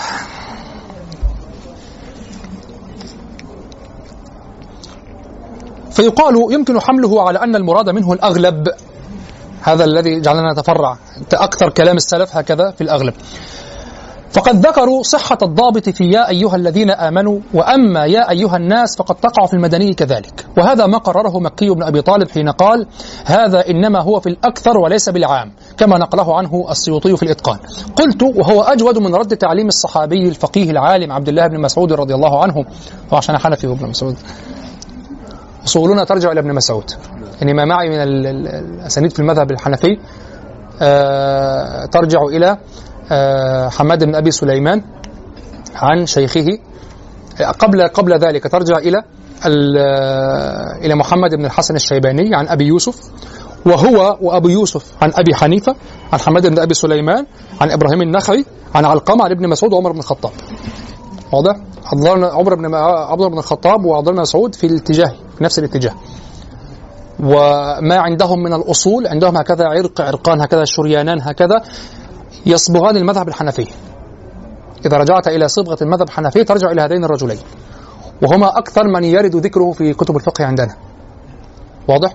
وهنا يظهر لك لأن نفس عبد الله بن مسعود وعمر بن الخطاب رضي الله عنهما هما أنفسهما يختلفان مع في المناهج حتى ال- ال- الاستنباطية مع صحابة آخرين.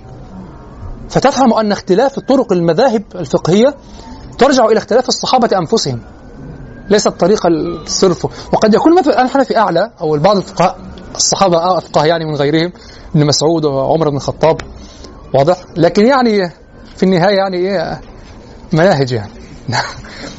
لكن عمر بن الخطاب عنده من ال- القياس ومن الإلهام ومن من لأنه تولى الحكم وعدل فلا بد أن تثق في أحكامه التي عدل فيها. نعم. حينما أرسل فتح الكوفة رضي الله عنه وأرسل عبد الله بن عمر وعمر بن ياسر. أرسل رسالة تتلى على أهل الكوفة. فقال يا أهل الكوفة قد أرسلت إليكم عمار بن ياسر أميرا وعبد الله بن مسعود معلما ووزيرا. وقد آثرتكم بابن مسعود على نفسي. هو كان يحب أن يظل مصاحبا لابن مسعود. فقههما واحد طريقة, طريقة تفكيرهما واحدة لكن أرسلت إلى الكوفة. ومن هناك ظهر المذهب الحنفي. ثم يأتي تأتي شرذمة وإن كثرت تقول هذا يخرج عن السنة. المذهب الحنفي يخرج عن السنة. أصلا سلسلة المذهب الحنفي واضحة جدا جدا. يعني من أين جاء المذهب الحنفي في الكوفة فقه العراق؟ ابن مسعود الذي ذهب. أنت حرمت منه. هنعمل لك إيه؟ هو ظهر في الكوفة. الإمام الشافعي رضي الله عنه يقول من أراد الفقه فعليه بأهل العراق فإنهم قد ألين لهم الفقه كما ألين لداود الحديد هذا أهل الرأي أهل الفقه. ما السبب؟ ابن مسعود. الذي أرسله عمر بن الخطاب في عهد في وقت ولايته لما فتح الكوفة وبنى الكوفة. واضح؟ بالفعل للأسف الشديد هؤلاء يقطعون أيمانهم بشمائلهم. يعني شخص يأتي كده يقطع كفه اليمين بالشمال يعني ما يطعنون في هذه المذاهب وفي هذا الفقه. هم هم يطعنون أنفسهم ولا يشعرون. تذكرون في مصر لما حصلت أحداث الأزهر والدوشة وعايزين يحطوا الفقه بتاع الأزهر هو المصلحة العامة أو الدستور وفق المصلحة العامة ولا المذاهب الأربعة؟ الإخوة السلفيين اللي كانوا بيطعنوا في المذاهب الأربعة والتمذهب وكذا هم اللي صرخوا قالوا المذاهب الأربعة. حسوا هيضيعوا تحت باب المصلحة العامة وكذا. لكن هي المذاهب الأربعة اعترفت إنها فقهك دلوقتي؟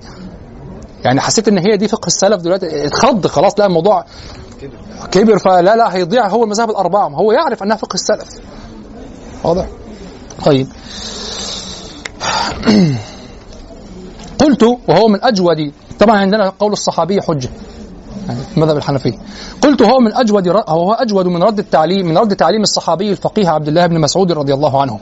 ومن ذلك أيضا أي من الضوابط تقريرهم أن ما كان في ذكر الأمم والقرون والأنبياء وآدم سوى البقرة فمكي. وما كان في ذكر الأحكام والحدود والس- والسنن أو السنن والفرائض والجهاد فمدني. قلت وواضح أن مرجعه إلى النقل كما سبق التنبيه سوى أنه جعل علامة للوقوف على المدني. يعني جعل علامة بعد أن ورد في المدني. فشخص لم يعرف أن هذا ورد فيه أنه مدني. أريد أن أعرف كيف هو؟ أنا انسى أقرأ المصحف. وليس معي كتاب في روايات روايات الأحكام بأنه مكيه أو مدنيه أو كذا. كيف أعرف وأنا أقرأ؟ طيب لما تجد كذا لما تجد كذا لما تجد كذا مدني لما تجد كذا وكذا كذا مكي. لكن في النهاية إذا أت- إذا ذهبت تركت المصحف وذهبت إلى كتاب آخر تعرف منه استنتج أنها روايات. واضح؟ نقل. فهي علامات مستخرجة لمن لا يعرف النقل. هذا هو.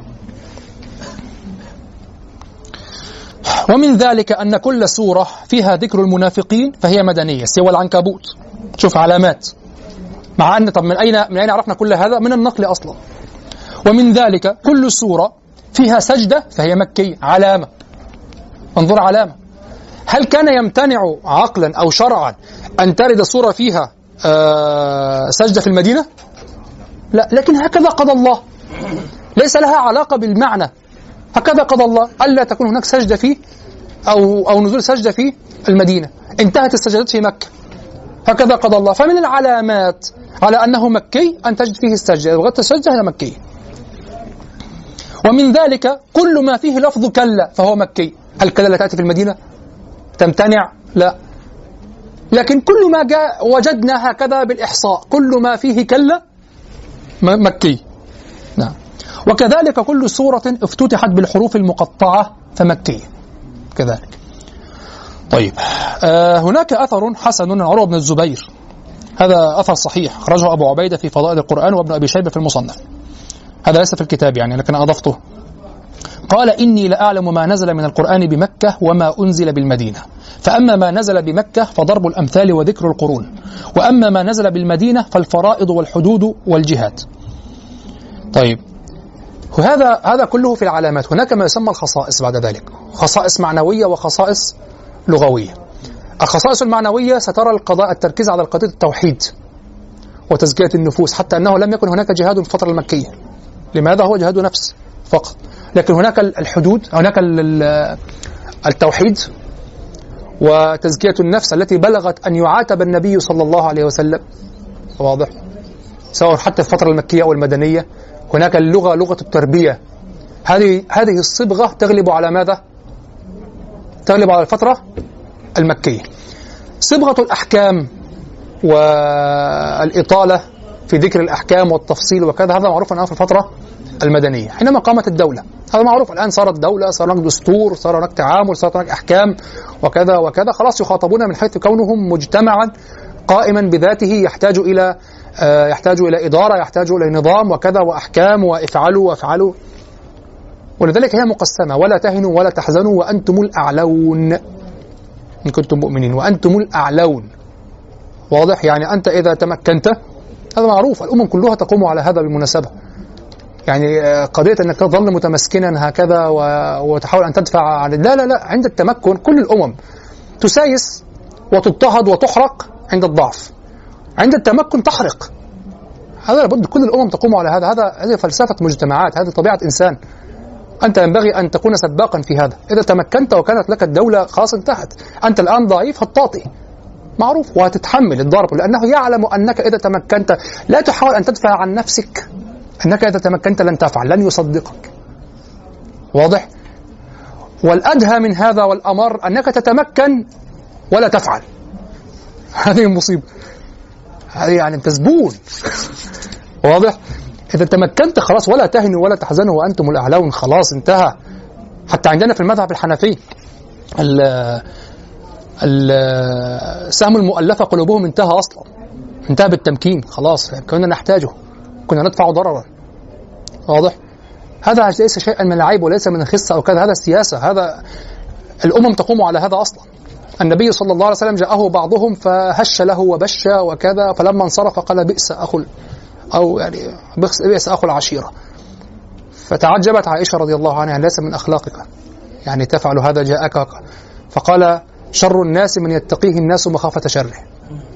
شوف الكلام بالسياسة فالدنيا تقوم على هذا ومن لا يعني آه، ومن لا يفعل هذا أو من لا يعرف كيف تسير المجتمعات وكيف تقوم الأمم وتقوم الدول سيدهس. معروف ضعيف خلاص ضعيف تتحمل.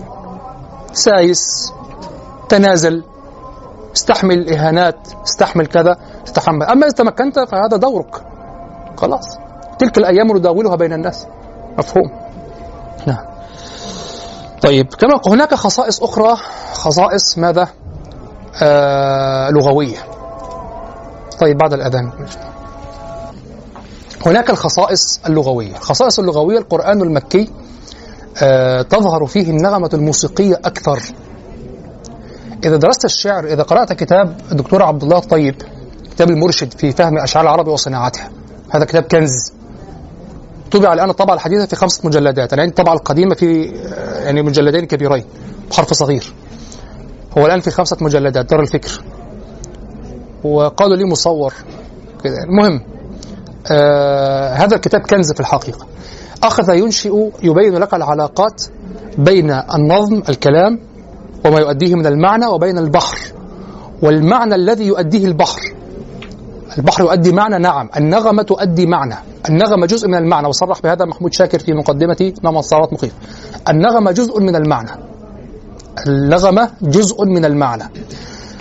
وعمل مقارنة طردية بين المعنى الذي يؤخذ من اللفظ والمعنى الذي يؤخذ من النغمة كيف؟ قال هناك بحور هادئة تتوارى فيها النغمة الذاتية وراء الكلام يعني هناك نغمة هناك تقسيمة لكن تتوارى وراء الكلام ما معنى هذا؟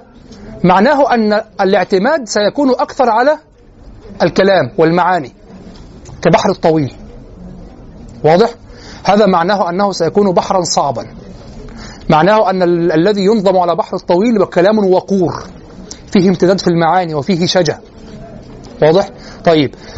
كلما كان البحر صاخبا كلما قصرت تفاعيله واقتربت نغماته من بعضها وصخبت كلما زاد الاعتماد على الصوت في الأداء وقل الاعتماد على الكلام حتى تنتهي إلى باب الردح. شفت الردح؟ يعني في كده مشهد كوميدي كده لكنه ليه مدلول فلسفي في الحقيقة في اللغة عارف أنت اللي تقعد تردح لحد اللي تقعد تردح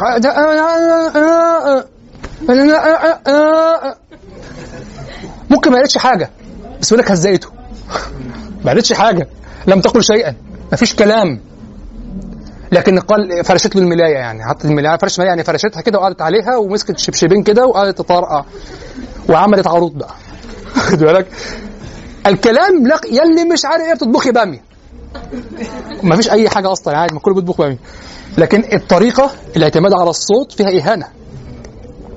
قريب من هذا أو فوقه النواح وصوت النواح. أيتها النفس أجملي جزعا إن الذي تحذرين قد وقعا إن الذي جمع السماحة والغقا الذي الذي الذي المعي الذي يظن لك الظن كأن قد رأى وقد سمع اعتمدت على هذا هذه النغمة الصاخبة اعتمدت اعتمادا كبيرا فأصبحت نسبة مئوية كبيرة من المعنى والشعور في البحر. في الموسيقى. واضح؟ ولذلك اعتمادك على الكلام في البحور الطويلة أصعب. واضح؟ ولكن البيان يتم بها أيضا. يعني هي نوع من البيان. الميزة في القرآن أنه استعمل الوجهين بنفس المستوى من البلاغة. القرآن فيه اعتماد على النغمة في الصور المكية. قل أعوذ برب الناس ملك الناس إله الناس. شوف ناس ناس, ناس. الرحمن علم القرآن خلق الإنسان علمه البيان. آن آن آن آن آن آن. القرآن المكي كله جمل قصيرة عبارات قصيرة ونغمة واحدة. إن لم تتفق إن لم تتفق الفواصل طبعا أنا أقول القوافي ولا السواجع ممكن السجعات لكن يعني البعض يقول القرآن يستفيد السجعات وأنا في الحقيقة ال- الماهية واحدة في الحقيقة. إن لم تتفق فهي متقاربة والمدد قريبة. لأنها كلما اقتربت المدة ظهر أثر النغمة لأنها ما زالت في الذاكرة. صح؟ الناس الناس الناس الناس. واضح؟ كل هذه ال- ال- القريبة من بعضها هذه العبارات القريبه من بعضها تجعل النغمة حاضرة. تجعل رنين النغمة في ذهنك. اقرأ سورة البقرة. في الأول في الأول فقط. أتحداك وأنت في آية الدين أن تتذكر النغمة. التي تستنغلق بها أيضا. لكن هي بعيدة. وهذا يدلك لما هذا يدلك على أن على أن أنفاس العرب في المعاني كانت طويلة جدا. لماذا؟ لأنه سي- سيتذكر. النغمة ويشعر بها حينما يختم آية الدين. أنت تنساها أصلا النغمة ليست موجودة في ذهنك أصلا يعني مش م... ليست مستحضرة. الحس السمعي عند العربي يجعل النغمة مستحضرة. ولذلك حتى وهو يقرأ بعينه لا يسمع بأذنه هناك صوت يتردد في ذهنه ليشعر بهذه النغمة. لابد أن يسمع الصوت ليس المعاني فقط. يسمع الصوت يتخيل الصوت في ذهنه. لذلك أصل الكلام وأصل المكتوب أصوات. مسموعة وإلا لن تشعر بهذه ال بهذه ال السجعات أو بهذه الفواصل المتقاربة. واضح؟ والتركيز على التوحيد والتركيز على التربية وعلى الصبر وعلى كذا وعلى كل هذه كما قال أفعال القلوب وعلى رأسها التوحيد. وأما الأحكام فتأتي قليلة خفيفة وتأتي في سياقات تصطبغ بهذه الصبغة المكية أيضا. من المقدمات العشر لكتاب التحرير والتنوير لطارق بن عاشور. التحرير والتنوير. نبه على هذا. قال القراء للأسف يضبطون المصاحف على المعاني ولا يراعون لا يراعون هذه الفواصل القرآنية. التي تناظر في الشعر القوافي والتي تناظر في النثر السواجع أو السجعات. واضح؟ قال وهذا هدر للنص القرآني. كما أنك لو قرأت الشعر لم تنشده قرأته ولم تقف على القافية تكون قد أهدرته. أوصلت المعاني فقط هكذا. كما قال عمر بن أبي ربيعة قال فبت أه؟ فبت أناجي النفس أين خباؤها؟ وكيف لما آتي أو لا قبلها؟ آه وليلة ذي دوران جشمني السرى وقد ينشم الهول المحب المغرر. آه فبت رقيبا للرفاق على شفا أحاذر منهم من يطوف وأنظر إليهم متى يستمكن النوم منهم. ولو قلت وأنظر إليهم متى يستمكن ولم تقف على وأنظر أهدرت القافية. واضح؟ يقول فبت أناج يقول فبت رقيبا للرفاق على شفا أحاذر منهم من يطوف وأنظر إليهم متى يستمكن النوم منهم ولي مجلس لولا اللبانة أوعر. هذا مقصود. سترى غلبت الروم في المصاحف القديمة المصرية. تصل على طول. تصل تصل لا تقف. ممنوع الوقوف. لا لا لا لا لا, لا. لماذا المعنى متصل؟ حتى أنني كنت أقول هذا ينبغي ألا يكون مقصودا في القراءة. هذا هذه معاني للتفسير. هكذا قلت أنا. قلت هذه معاني للتفسير. يعني هو يقول لي المعنى متصل لكن هتقف حاولت أن أقنع نفسي بهذا. لكن هم يتكلمون على وقف الأداء. هم لا يتعلقون بالتفسير. هم استعملوا التفسير لبيان أين تقف وكيف وأين تصل. واضح؟ فنبه على ذلك الشيخ الطاهر بن عاشور في إحدى هذه المقدمات العشر في كيفية قراءة القرآن وقال لا تقف عليها غلبت الروم. هكذا لأن القرآن جاء على سنن كلام العرب العالي. وهذا السنن من ضمنه هذه النغمة. هذه الصبغة تفرق فيها بين المكي والمدني. النغمة تقل جدا في المدني لأنه إطالة وتربية على مستوى مختلف تربية هادئة وتفصيل للأحكام. أما في الفترة المكية فمتسارعة وليس كما يقول بعض الملحدين يقول لأن محمدا صلى الله عليه وسلم كان الفترة المكية لم يصل إلى هذه البلاغة التي يطيل بها الكلام فيعتمد على الصوت. يعتمد على الصوت. هذا الكلام لو أثبتت أصلا أن القوافي مجلوبة أو أن ال- ال- الفواصل مجلوبة لكن ليست مجلوبة أصلا. أنت سترى أنها بالعكس هذا قمة هذا الإعجاز. لماذا؟ قمة البلاغة. لأنك سترى على قربها وكثرتها وكونها على نغمة واحدة سترى أنها الكلمة المطلوبة في هذا المكان. وليست متكلفة. واضح؟ يعني لو أردت أن تنثره مرة أخرى هو هو هو هو أصلا. يعني هي هي الكلمة هنا في هذا المقام. كما قلت لكم في عام صباحا ال- القوافي القوافي هي الكلمات في المنثور. لم يجتنب ولا لفظة. واضح؟ طيب. أليس من الأفضل أن نجمع بين الطريقتين؟ أي طريقتين؟ في القراءة؟ يعني نقف على رؤوس الآية. إذا قلنا إنها سنة ورد يعني مثل كان يقف الحمد لله رب العالمين ثم يقف وهكذا فنقول فوائد للمصلين ونقف. ثم نعيد عشان المعنى. نقول فوائد للمصلين الذين مع صلاتهم لماذا؟ وماذا استفدت؟ الثانية بمقام القراءة المستقلة. تخيل أن إنسانا لم يسمع إلا الثانية. أنت أفهمت المعنى ولكن أضعت معنى آخر. ولذلك هناك أحكام في القراءة. مثلا لا تقف في القراءة في القرآن أنا لا لا أحسب إماما يقف على فوائد المصلين ويقف. مستدلا بعموم جواز الوقوف على رؤوس الأيمان أصلا لا يمكن أصلا إثبات هذا أنه يجوز الوقوف على رؤوس الأيمان قال أصلا أن الآية تنتهي عندها المعاني. هذا كلام مفترض. هذا كلام أحسبه متأخرا متأثرا ببعض المناهج الأدبية المتأخرة. الذين شوف انظر شوف تناظر. هتجد في هذا العصر الذي ألفت فيه هذه المؤلفات تجد من يقول بجواز الوقوف على رؤوس الآي وأنك خلاص وقفت على رؤوسها أنك ختمت المعنى ووقفت. وتجد من يقول البيت لابد أن يتم فيه المعنى في الشعر. والحقيقة أن القرآن والشعر الجاهلي ليس على هذه القاعدة أصلا. أصلا من الأول. المعنى لا يتم في البيت عند الجاهليين والمعنى لا يتم في الآية عنده ولذلك ابن الأثير وهذه لفتة طيبة منه في كتابه المثل السائر. لما كان يتناول في في مثل السائر في أدب في آه، في في في أدب الكاتب والشاعر. آه، نبه على حينما قال قال كثير من الناس يقولون لابد أن يتم المعنى في البيت ولا يتعلق هذا هو تضمين يعني لا يتعلق ببيت بعده أو بيت قبله أو كذا. قال وهذا لا دليل عليه بل هو واقع في أشعار الفحول وأتى بشعر امرئ القيس وشعر الفرزدق وغيرهما. ثم قال وهذا في القرآن. أيضا. وآتى بالآيات التي تتصل مع وجود هذه الفواصل النغمية التي لا يمكنك أن تتجاهلها. لا يمكنك أن تقول ليست نغمة أنا فقط يهيأ لي. لا هي نغمة هي مقصودة مضطردة على طول الصورة ومع ذلك لم يتم المعنى فيها. لأن نفس هذا الوقوف بهذه النغمة له أثر في الكلام لكنه أثر عال. أن تنتقل خاصة أننا الآن ملوثون بالنغمات الشاذة من نشاز الذي نسمعه. لكن إذا فهمت كيف نغمة العرب في الكلام وكيف يدخل نغمة من الحركات والسكنات على الكلام في الكلام فهمت كيف أنها تؤدي معنى بذاتها. طيب مثال تقف على أشطار الأبيات كأنك تلتقط أنفاسك وإن لم يتم المعنى. يعني أصل الكلام قفا نبكي من ذكرى حبيب ومنزل بسقط اللوى بين الدخول في حومل.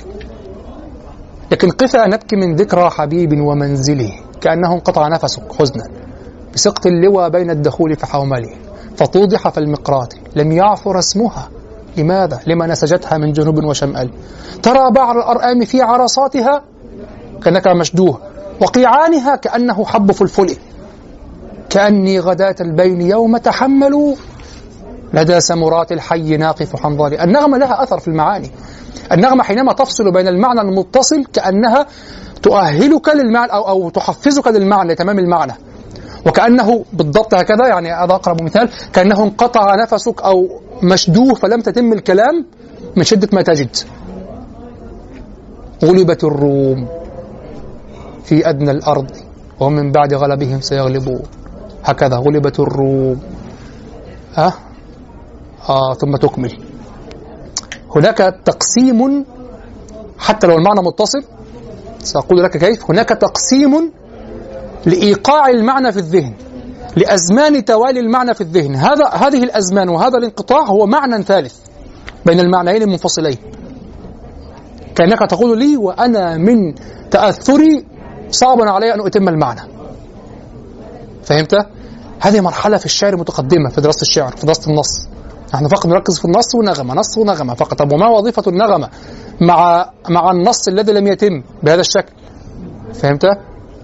والذي ورد في السنة أن النبي كان يقف على رؤوس الآية نعم تفضل. الابتداء نعم. نعم هذه من العوامل من من العلل التشويق والإجمال بعد التفسير. لكن ترى يعني مثلا حتى في كتب البلاغة ترى مثل هذه الأمثلة هي فقط التي ترد. الذي يغوص في النص أكثر ويستقرئ أكثر يجد أنها غير متناهية أو أنها أكثر يعني. لا أحكم أنها غير متناهية قد تتناهى إذا درست كده الله أعلم لا أصل إلى مرحلة المعرفة يعني بهذا الشكل لكن أو بهذا المدى. لكنها أكثر بكثير من الإجمال والتشويق وكذا. هي أكثر. يعني مثلا ابن القيس لما يقول فلما أجزنا ساحة الحي وانتحى بنا بطن حقف ذي ركام عقنقلي. أنت تقول هنا تشويق هذا تشويق فقط. لما عرضت هذا البيت على بعض الناس. طبعا لا تفهم إلا من السياق الذين يعرفون القصيدة من السياق. يقول وبيضة خدر لا يرام خباؤها. تمتعت من لهو بها غير معجل. تجاوزت أحراسا إليها ومعشرا علي حراسا لو يشرون مقتلي. روايات مختلفة. إذا ما الثريا في السماء تعرضت تعرض أثناء الوشاح المفصل فجئت وقد نضت لنوم ثيابها. لدى الستر إلا لبسة المتفضل فقالت يمين الله ما لك حيلة وما إن أرى عنك الغواية تنجلي. خرجت بها تمشي تجر وراءنا على أثرينا ذيل مرت مرحل فلما أجزنا ساحة الحي وانتحى بنا بطن حقف ذي ركام عقنقل يعني في مكان لا يمر منه سفر ولا أي أحد يمر منه مكان تتداخل فيه الرمال وكذا وهو بطن حقف يعني مكان غويط هكذا تحفه الرمال من كل جانب. يعني خلا بها تماما أنت تنتظرها ماذا سمع هذا ليس تشويقا فقط. أنت فهمت أنها بيضة خدر ولا يرام خباؤها. فالبيت هذا فيه معان تامة ويقول لك هذه التي هي بيضة خدر لا يرام خباؤها وعليها أحراس هذه أنا الآن أقف معها وحدي في بطن حقف ذي ركام عقنقلي هذا معنى مستقل بذاته. التشويق يحدث بالخط الآخر الموازي وهو المعنى النحوي الذي لم يتم جواب الشرط. حصرت بفيض رأسها فتمايلت علي هضيم الكشح ري المقلقل. أخذ خصلتين من جوانب رأسها وجذبها عليه فتمايلت عليه. واضح؟ ف نعم. تفضل. إيه؟ تفضل يا سيدي. مرة أخرى معلش مرة أخرى. ربط البحور والإيقاع آه. الصوتي بالمعاني ربط البحور والإيقاع الصوتي بالمعاني نعم. هل يدخل يعني تحت حقائق علمية وهي مجرد نظريات قابلة لا لا لا حقائق علمية وللأسف الغرب يسبقنا فيها. لكن الغرب ليست عندهم مادة دسمة للبحور لأن ال ال ال النغمات عندهم أخف من عندنا والقوافي عندهم ليست لها القيمة التي عندنا. هذه لها أصلا أسباب في في في معجم اللغة نفسه ولذلك قلت لكم كتاب عبد الله الطيب كنز في هذا الأمر. طبعا النغمة لها أثر وإلا وإلا أصلا البعض لا يفرق بين الشعر والنثر إلا بالنغمة فقط. يعني. لا استقراء لغة. استقراء لغة طبعا يعني ما الفرق؟ هي- من أين تنشأ النظرية؟ من التعليل تعليل الكلام. أنت تعلل كلاما. ولذلك أصحاب النظرية التشكيلية أو أو الشكلية أو أو البنيوية عندهم ما يسمى التغريب تغريب اللفظة. لماذا هم يقولون لا يوجد معنى للكلمة مضطرد دائما هي في كل سياق لها معنى. وهذا يناظر ما في كتاب الوجوه والنظائر للدمغاني عندنا. واضح؟ ويفهم من كلام عبد القاهر. ويفهم من كلام ابن الجني في الخصائص أن السياق يسبغ الكلمة. واضح؟ من ضمن صبغات هذه الكلمة أو من ضمن الأصباغ التي تصبغ على هذه الكلمة السياق الموسيقي الذي تقع فيه. كلمة واحدة لفظة واحدة تقع في سياق موسيقي صاخب أدت معنى. تقع في سياق موسيقي هادئ أدت معنى آخر. فهمنا؟ وهذا كثير جدا في الشعر. امرؤ القيس تجده كأنه سيمفونية كلاسيكية هكذا في كلامه. ومع هذا كلامه هو الكلام الذي موجود في أرض الشعر وفي أصخب الشعر. لكن هناك صبغات تصطبغ بها الكلمة. هناك إسباغ يحصل على الكلمة. ما مصادر هذه الصبغات الأخرى؟ هذه مشكلة أخرى. نحن نعمم ونقول السياقات والأحوال ومقامات الكلام. لكن على التفصيل الأسلوبيون وعلماء الدلالة هذا هاتان الطائفتان الأسلوبيون وعلماء الدلالة منشغلون جدا بحصر هذه المصادر. ما الذي يجعل الكلمة تختلف؟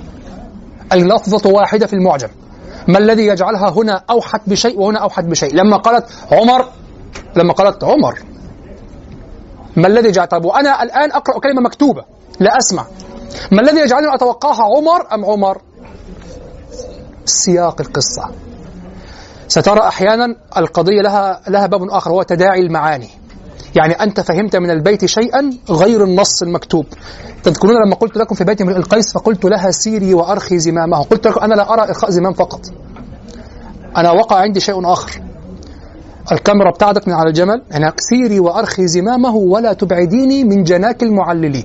رأيت هنا شيئا كان في نفس امرئ القيس. ما هو؟ الكاميرا الذهنية عندي ابتعدت عن الجمل.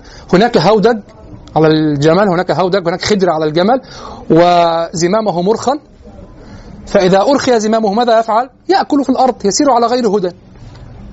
وهناك من يتحاب في هذا الخدر. هذه هي الصورة التي أرادها من هذا البيت. من أين جاءت هذه الصورة؟ تداعي المعاني تداعي الصور. لم يقل لك فكنت فسار الجمل يرانا من يرانا من بعيد ويشرح. لا. أنت المعنى سيتوارد سيتداعي يسمى التداعي. هذا أي هذا شيء آخر غير السياق أو نوع من السياقات. هو ليس نوع السياقات هو أنا سميت تداعي المعاني. أنا هذا منشغل بحصر هذه السياقات. لكن لا أتعجل في إبدائها لماذا؟ لأنها لابد أن أستغرق الشعر العربية كله لأطمئن إلى صور ثابتة. هناك التداعي. أول ما قال سيري وأرخي زمامه. انظر هو قال سيري هل إرخاء الزمام مطلوب لذاته؟ لا. هو يريد شيئا يترتب على إرخاء الزمام. أنه سيمد المدة وأن الجمل لن يتجه إلى اتجاه معين لن يذهب إلى الديار وستظل معه في البادية في خلوة. فأرخت زمامه. ما الذي جعله فعله البعير؟ الجمل صار يأكل في عشب الأرض وهي معه في داخل الخدر. فصار هذا هو البيت. هذا المدلول المحصل من البيت. تداعي المعاني. فهمنا؟ نعم. أحيانا يؤخذ المعنى من نغمة البيت فقط. النغمة فقط. هذه قضايا معقدة. يعني أنا حتى لم أبينها كلها في الشعر في شرح الشعر. طيب. قلت هنا عظيمة قرآنية. قال السيوطي في الإتقان أخرج الطبراني عن ابن مسعود قال نزل المفصل بمكة فمكثنا حججا نقرأه لا ينزل غيره. فالمفصل هو السبع الأخير من القرآن على ما قسمه السلف رضوان الله عليهم ويبدأ من سورة الحجرات أو سورة قاف أو غيرهما على الخلاف بين أهل العلم وقد قر في أذهان وقد قر في أذهاننا يسر هذه الصور وقصر الجمل فيها حتى استقر عمل العامة على البدء بها في تلقين الأطفال. هذه الصور القصار كانت قراءة الصحابة وزادهم لسنوات طوال في المرحلة المكية. أنا أنظر هنا أتأمل حول النص هذا النص الذي عندنا يقول لك ده, ده, ده مش حافظ قول الله أحد. قل هو أحد. بالك؟ يعني هيقول الله أحد إيه؟ هذه قل هو الله أحد. قل هو الله أحد. فهمنا؟ الأداء لابد أن يقول هو أحد كأنها صورة يعني كأنها اسم هكذا علم واضح؟ انظر. هذه الصور القصار كانت قراءة الصحابة وزادهم لسنوات طوال في المرحلة المكية. ولكن بسبب سليقتهم العربية وقوة أفهامهم لم يكن وقع هذه الصور على أسماعهم كوقعها على أسماعنا. فلا نرى منها سوى الفواصل القصيرة المتجانسة المت أو المتقاربة. الشبيهة بالسجع الجميل. فتساعدنا النغمة الناتجة على الحفظ ويسر الأداء. لقد شعر العرب بعجزهم أول ما شعروا أمام هذه الصور القصيرة التي نزلت بمكة. وقد حرمنا نحن ما يؤهلنا لذات الشعور فلم يبق معنا سوى ما ذكرته من النغمة وأصوات أصوات الفواصل. فهي آخر ما بقي لنا من ذلك اللسان العربي. أنت هكذا قتلت قتلت النص أو قتلت الشعر أو قتلت أي نص عربي أي إذا أخذت منه فقط صوت النغمة ولم تفهم ما علاقة هذا الصوت بالأداء. هذا هو. لذلك حتى الذي يغني الشعر يفسده. الذي يغنيه يفسده. واضح؟ والذي يزيد من نغمة الغناء في القرآن أيضا ويأتي بنغمة معينة وكذا ويركز في مقامات وكذا يفسدها أيضا. يفسدها جدا. بالعكس يفسد الأحكام نفسها. لما تمد لك النهاوند وتقوم مدد مادة طويلة عدت ستة دخلت في 12 واضح؟ لا. كما قال أحمد بن حنبل عن هذه القراءات فقال أظن أحمد بن حنبل رضي الله عنه فقال أيرضيك أن يناديك أحد؟ يا محمد. كتبت بالألفات كثيرة يا محمد يا أحمد. لماذا ما مددتها أصلا؟ ولذلك الشعر له تقسيمة لابد أن أن يشعر بها. في البحر الطويل طويل له دون البحور فضائل فعول مفاعيل فعول مفاعل قفا نبكي من ذكرى حبيب ومنزلي بسقط اللوى بين الدخول فحوملي. واضح؟ ترى النغمة الحس هذا هذا الإيقاع الداخلي أو هذا النغمة الهادئة سيشعرها العربي مع التركيز على الكلام. هناك نغمات أخرى أو بحور أخرى سيظهر فيها كبحر الطويل بحر الوافر.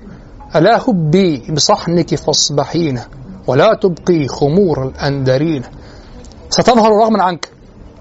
لماذا؟ لأن لأن ميزانه بحور الشعر وافرها جميل. مفاعلة مفاعلة فانظر مفاعلة. تتن تتن تتن تتن تتن تن. تتن تتن تتن تتن تتن تن. بخلاف آه فعول مفاعيل. انظر. تتن تن تتن تن تن.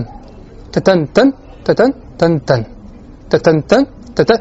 تداخلت واختلفت وطالت حتى لا تلحظ الاتحاد الإيقاعي إلا بنوع تركيز أو بطول ذهن أو بطول أو برهافة حس للنغمة. بخلاف مفاعلة تتن تتتن ثم هي هي تتن تتتن ثم هي هي تتن تتتن تتن تتتن تتن تتتن تتن تن هي دائما تأتي هكذا.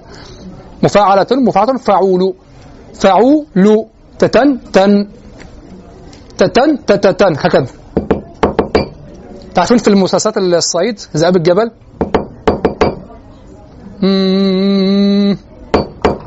لكن هذه نقطة أخرى. هذه بحر بسيط صح؟ لكن في البحر الطويل مفاعلة تكرره هو هو وبساطة الوحدة الواحدة التفعيلة الواحدة أظهرت النغمة. فستشعر بها في الأداء. فالبحور تختلف في الظهور والاختفاء. ولهذا بحر الطويل إما أن تحسن عليه وإما أن تسيء. لماذا؟ إذا أحسنت لابد أن تعطي الكلام قيمة كبيرة. فإذا اعتمدت على النغمة ستسيء. النغمة لن تساعدك أصلا.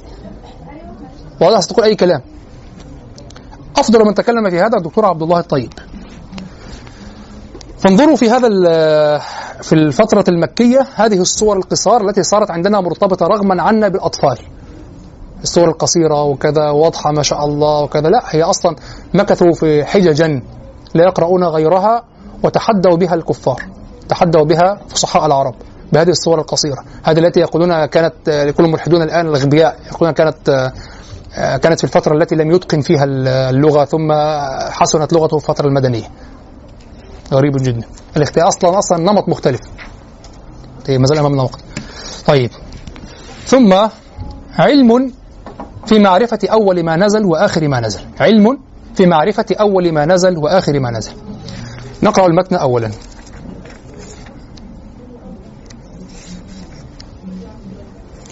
أوله بإطلاق اقرأ وهو المتوجه. طبعا أنبئكم إلى اختصار المتن لمن لم يكن حاضرا المتن مختصر جدا جدا جدا. أوله بإطلاق اقرأ وهو المتوجه. وقيل بالمدثر وأجيب عن رواية جابر وقيل بأم الكتاب. هذه رموز. وقيل بأم الكتاب ووهم الكشاف في ادعاء الأكثرية وقيل بالبسملة. كنت متعصبا إلى المنهج الأزهري جدا وكذا فأخذتني الحمية ووضعت المتن بهذا الشكل. ولو أعدت صياغته الآن لاختلف الأمر قليلا. أوله بإطلاق اقرأ وهو المتوجه وقيل بالمدثر وأجيب عن رواية جابر وقيل بأم الكتاب ووهم الكشاف في ادعاء الأكثرية وقيل بالبسملة وقيل بقول وليس بقول بل ضرورة صورة.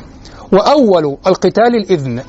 وأول الخمر السؤال وأول الأطعمة لا أجد وأول سجة الفجر وأول براءة نصركم. وآخر التنزيل قيل واتقوا يوما بالبقرة وقيل الربا وقيل يستفتونك النساء وقيل لقد جاءكم التوبة وقيل المائدة وقيل إذا جاء النصر وحرر القاضي أن ليس فيها ما يرفع بل ضرب اجتهاد وتغليب. وليس من الفرائض فلا مطعن به. أوله بإطلاق اقرأ وهو المتوجه. قولي بإطلاق لتخرج به الأولية بقيد وسيأتي إن شاء الله. يعني أوله ما أول ما نزل القرآن بإطلاق لأن بعضهم يقول أول ما نزل كذا ويريد قيد يعني أول ما نزل في القتال أول ما نزل في آه في مثلا كما قلت ذكرت هنا آه في الخمر وهكذا. والمراد من قول اقرأ أي أول سورة العلق اقرأ باسم ربك الذي خلق فهو أول ما نزل من القرآن على الإطلاق للحديث المشهور في الصحيحين. معروف الحديث. نعم.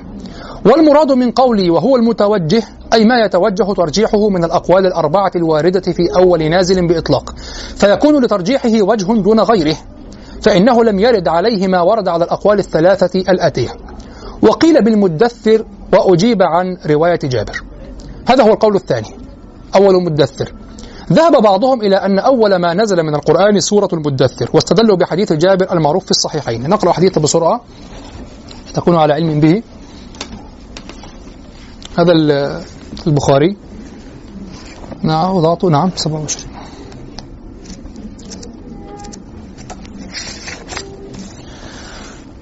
قال ابن شهاب وأخبرني أبو سلمة عبد ابن عبد الرحمن أن جابر بن عبد الله الأنصاري قال وهو يحدث عن فترة الوحي، فترة الوحي يعني فتور الوحي.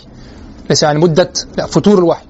هو يحدث عن فترة الوحي فقال في حديثه بين أنا أمشي إذ سمعت صوتا من السماء. طبعا هذا مرفوع إلى النبي صلى الله عليه وسلم. بين أنا أمشي إذ سمعت صوتا من السماء فرفعت بصري فإذا الملك الذي جاءني بحراء جالس على كرسي بين السماء والأرض فرعبت منه. فرجعت فقلت زملوني فأنزل الله تعالى يا أيها المدثر قم فأنذر إلى قوله والرجز فاهجر فحمي الوحي وتتابع. تابعه عبد الله بن يوسف أبو صالح وتابعه هلال بن رداد عن الزهري وقال لوس معمر بوادره ماشي. طيب. طيب هذا هو الحديث. قلت ذهب بعضهم إلى أن أول ما نزل من القرآن سورة المدثر واستدلوا بحديث جابر المعروف في الصحيحين.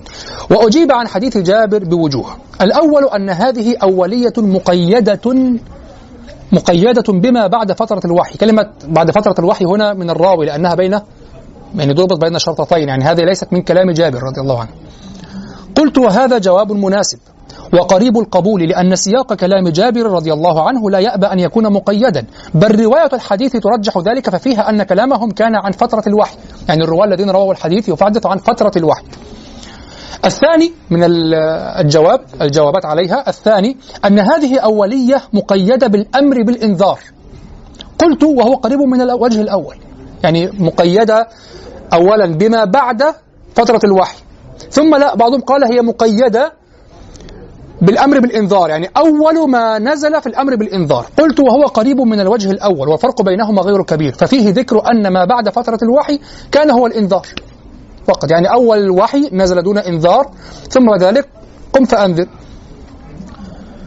وهذا أقصى ما فيه يعني هو يكاد يكون الأول. الثالث أنها أولية مقيدة بسبب الإنزال وهو الأمر بالإنذار. يعني ما سبب الإنزال؟ يعني حينما قالوا هذا أول ما نزل يقصدون ماذا؟ الإنذار يعني أول ما نزل في الإنذار يعني أولية مخصوصة بالأمر بالإنذار قلت وهو قريب من القولين كذلك وإن كان السابق أقرب منه وهو ما ذكره ابن حجر ومن التكلف جعل جعلوا ومن التكلف جعلوا هذين الوجهين مستقلين عن الأول الذي هو أول ما نزل بعد فترة الوحي لماذا؟ لما لما يقولوا نزل بعد فترة الوحي لم يتعرضوا للسبب. يعني هناك سبب نزول أو سبب يعني حكمة يعني. هناك أحكام هناك حكم واضح. يعني كلمة بعد فترة الوحي ليست علة نزول ليست حكمة نزول أنها بعد فترة الوحي هذه مدة النزول. ما الذي قيل فيه؟ أمر بالإنذار. فليس قولين. فهمتم؟ لا هو أول ما نزل بعد فترة الوحي وكان فيه الأمر بالإنذار. واضح؟ إذ الأمر تعبير بصفات لموصوف واحد. فما نزل بعد فترة الوحي هو ما نزل الإنذار والإنذار هو سبب النزول. واضح؟ الرابع أنها أولية مقيدة. شوف كما يقول ليس كل خلاف له حظ من النظر. يعني كل أحيانا تتوارد يعني كأنه عصف ذهني يعني تتوارد الأخبار تتوارد الأفكار لأجل تعديل شيء معين. نعم. الرابع أنها أولية مقيدة بنزول السورة بتمامها ويخلو من تحقيق. فحديث جابر ظاهر في أن ما نزل من المدثر إلى قوله والرجز فاهجر فلم تنزل بتمامها. ثم هو تأويل يعني يستجلب ولا لا يتأتى من نفسه يستجلب. واضح أنه أولية مقيدة بنزول السورة. لا ليس كذلك؟ من أين أتيت بل الحديث فيها أنه نزل إلى حد معين فلم تنزل كاملة. فهذا قول يطرح أصلا. الخامس أن جابر رضي الله عنه فهم ذلك باجتهاده. شوف البعد في التأويل. أن جابر رضي الله عنه فهم ذلك باجتهاده دون رواية. فيقدم حديث عائشة الذي هو الحديث المشهور في النزول لأنه عن رواية. قلت لا يظهر ذلك. فهو قد صرح أنه يروي ما سمعه أو صرح يعني في الكلام ليس أنه هو صرح. أنه يروي ما سمعه لا لا معذرة شيء آخر صحيح. لا يظهر ذلك فهو قد صرح أنه يروي ما سمعه من النبي صلى الله عليه وسلم. يعني هم يقولون هذا فهم جابر. لحظة. شوف لابد أن تراجعوا الأقوال وأن ت... شوف الآن هو هذا هذا الوجه الخامس أنه فهم ذلك باجتهاده. إذا سأفهم من نص الكلام أنه يقول كلامه هو صح؟ طيب. هو يقول فقال في حديثه بين أنا أمشي إذ سمعت صوتا من السماء فرفعت بصري هل هذا يقوله جابر برأيه؟ هذا حكاية لقصة حكاية لما قيل له سمعه واضح؟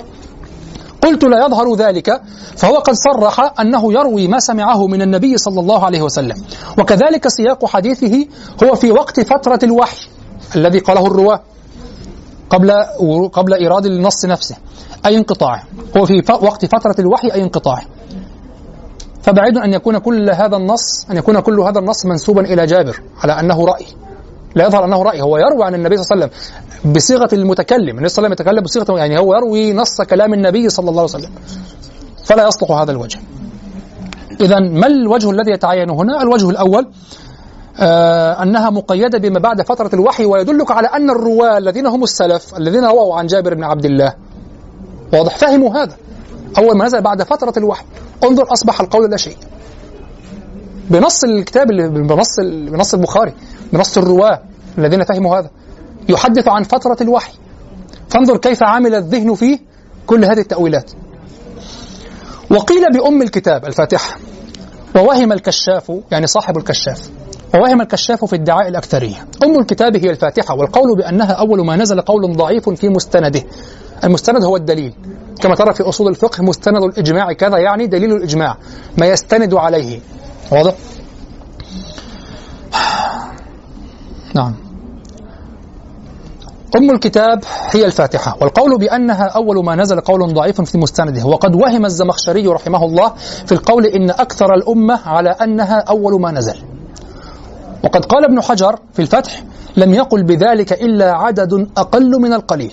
يعني من أين جاء ال- الزمخشري بهذا القول بأنه رأي الأكثرين؟ هناك شيء. والحديث الذي اعتمد عليه في الفاتحة أخرجه البيهقي في الدلائل ووصفه بالانقطاع. قلت هذا كلامي ليس موجودا في الكتب علوم القرآن.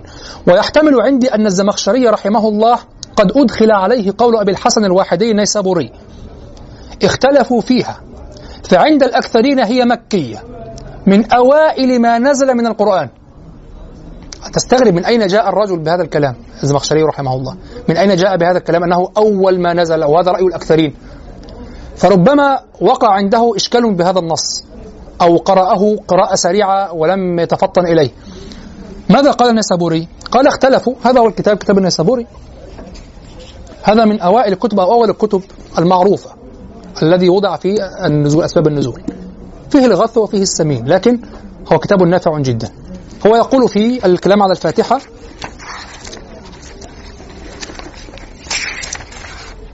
نعم.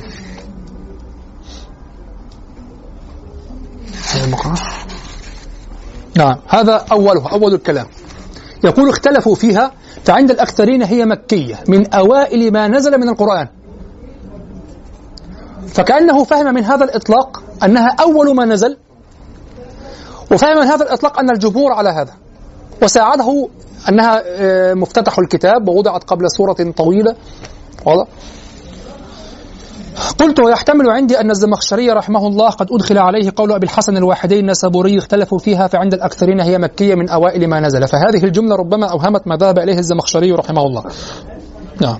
فقوله من أوائل ما نزل كلام كلام مستأنف. يعني لا تقول مثلا هنا اختلفوا فيها فعند الأكثرين مكية من أوائل. فهمتم أين المشكل؟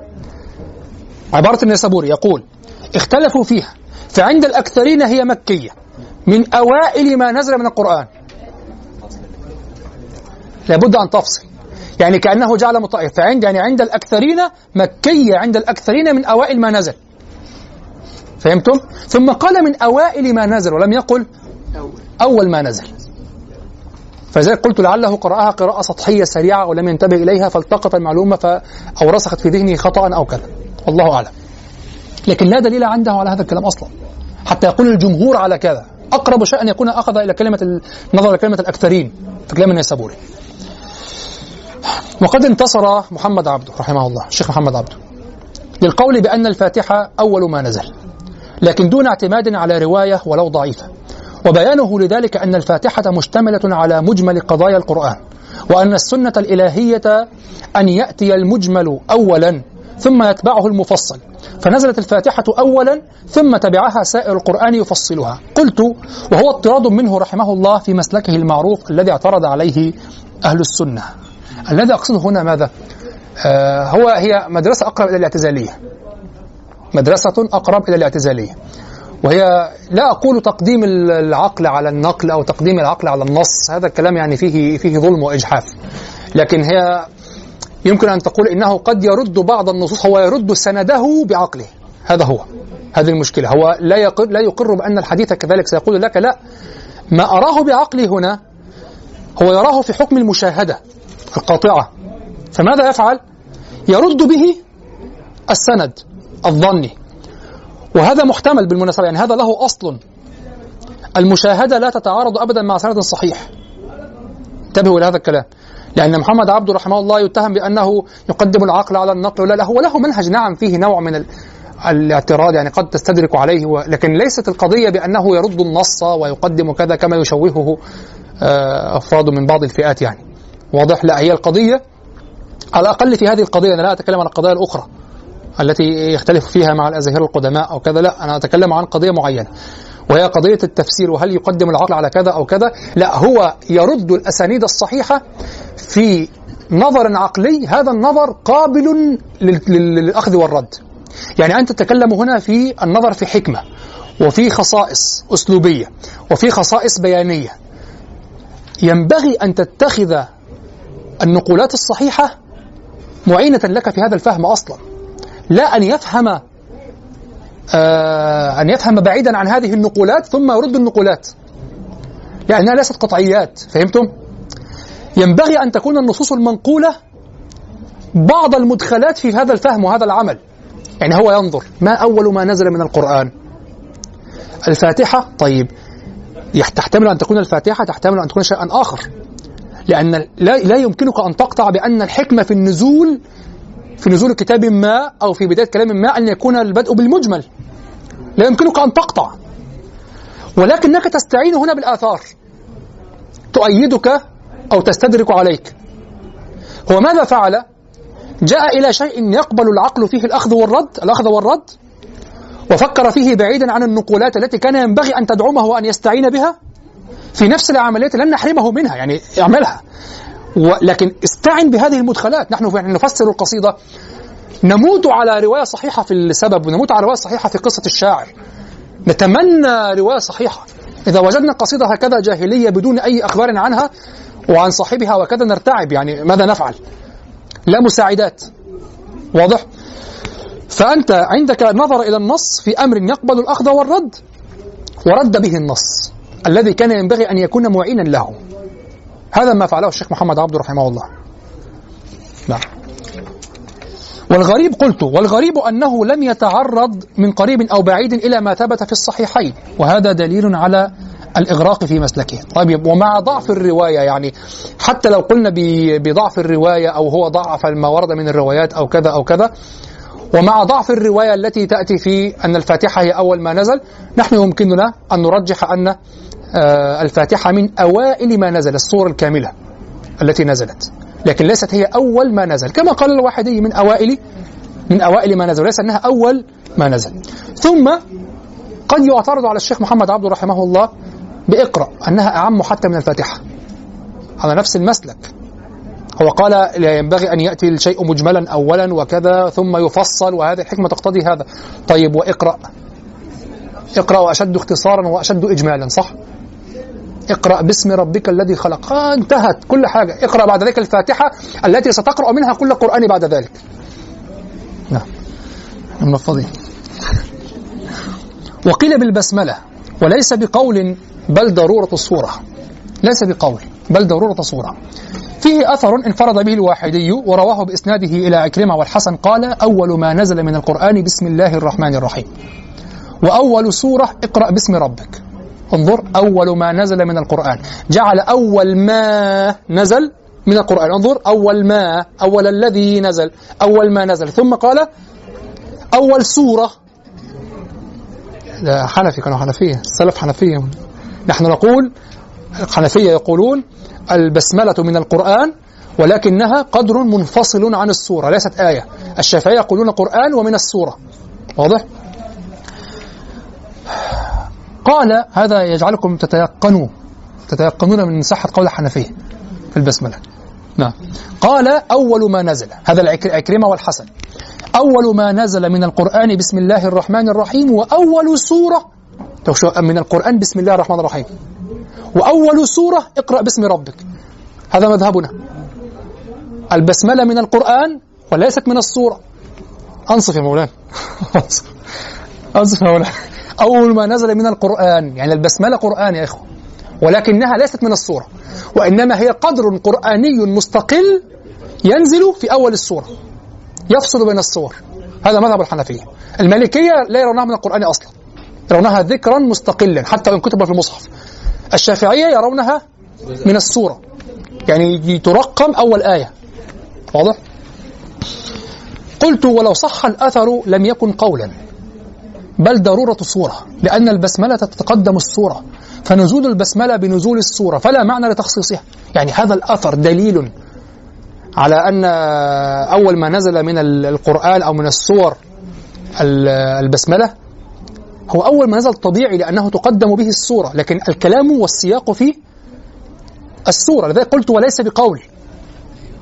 ليس قولا يعني ليس قولا في هذا السياق. أول سورة نزلت. أي سورة ستنزل؟ ستنزل في أولها.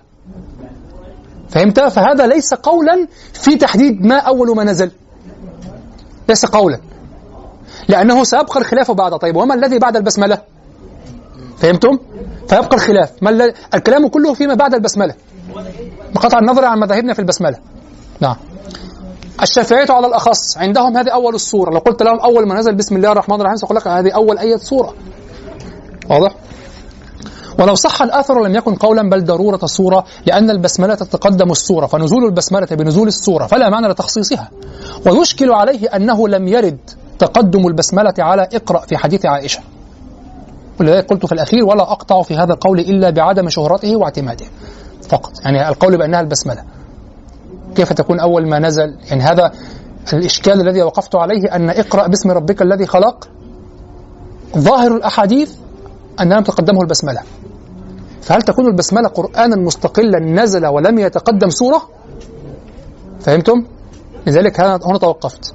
لأنه ربما اقرأ باسم ربك الذي خلق يقصدون بها السورة. لكن البسملة ستنزل في أولها. ولكن لأنه مفهوم ومعروف. فعبروا عن السورة فقط لأنهم يتحدثون عن أول ما نزل. لكن ظواهر الأحاديث ليست كذلك. الله أعلم. لذلك توقفت وقلت ولا أقطع في هذا القول إلا بعدم شهرته واعتماده.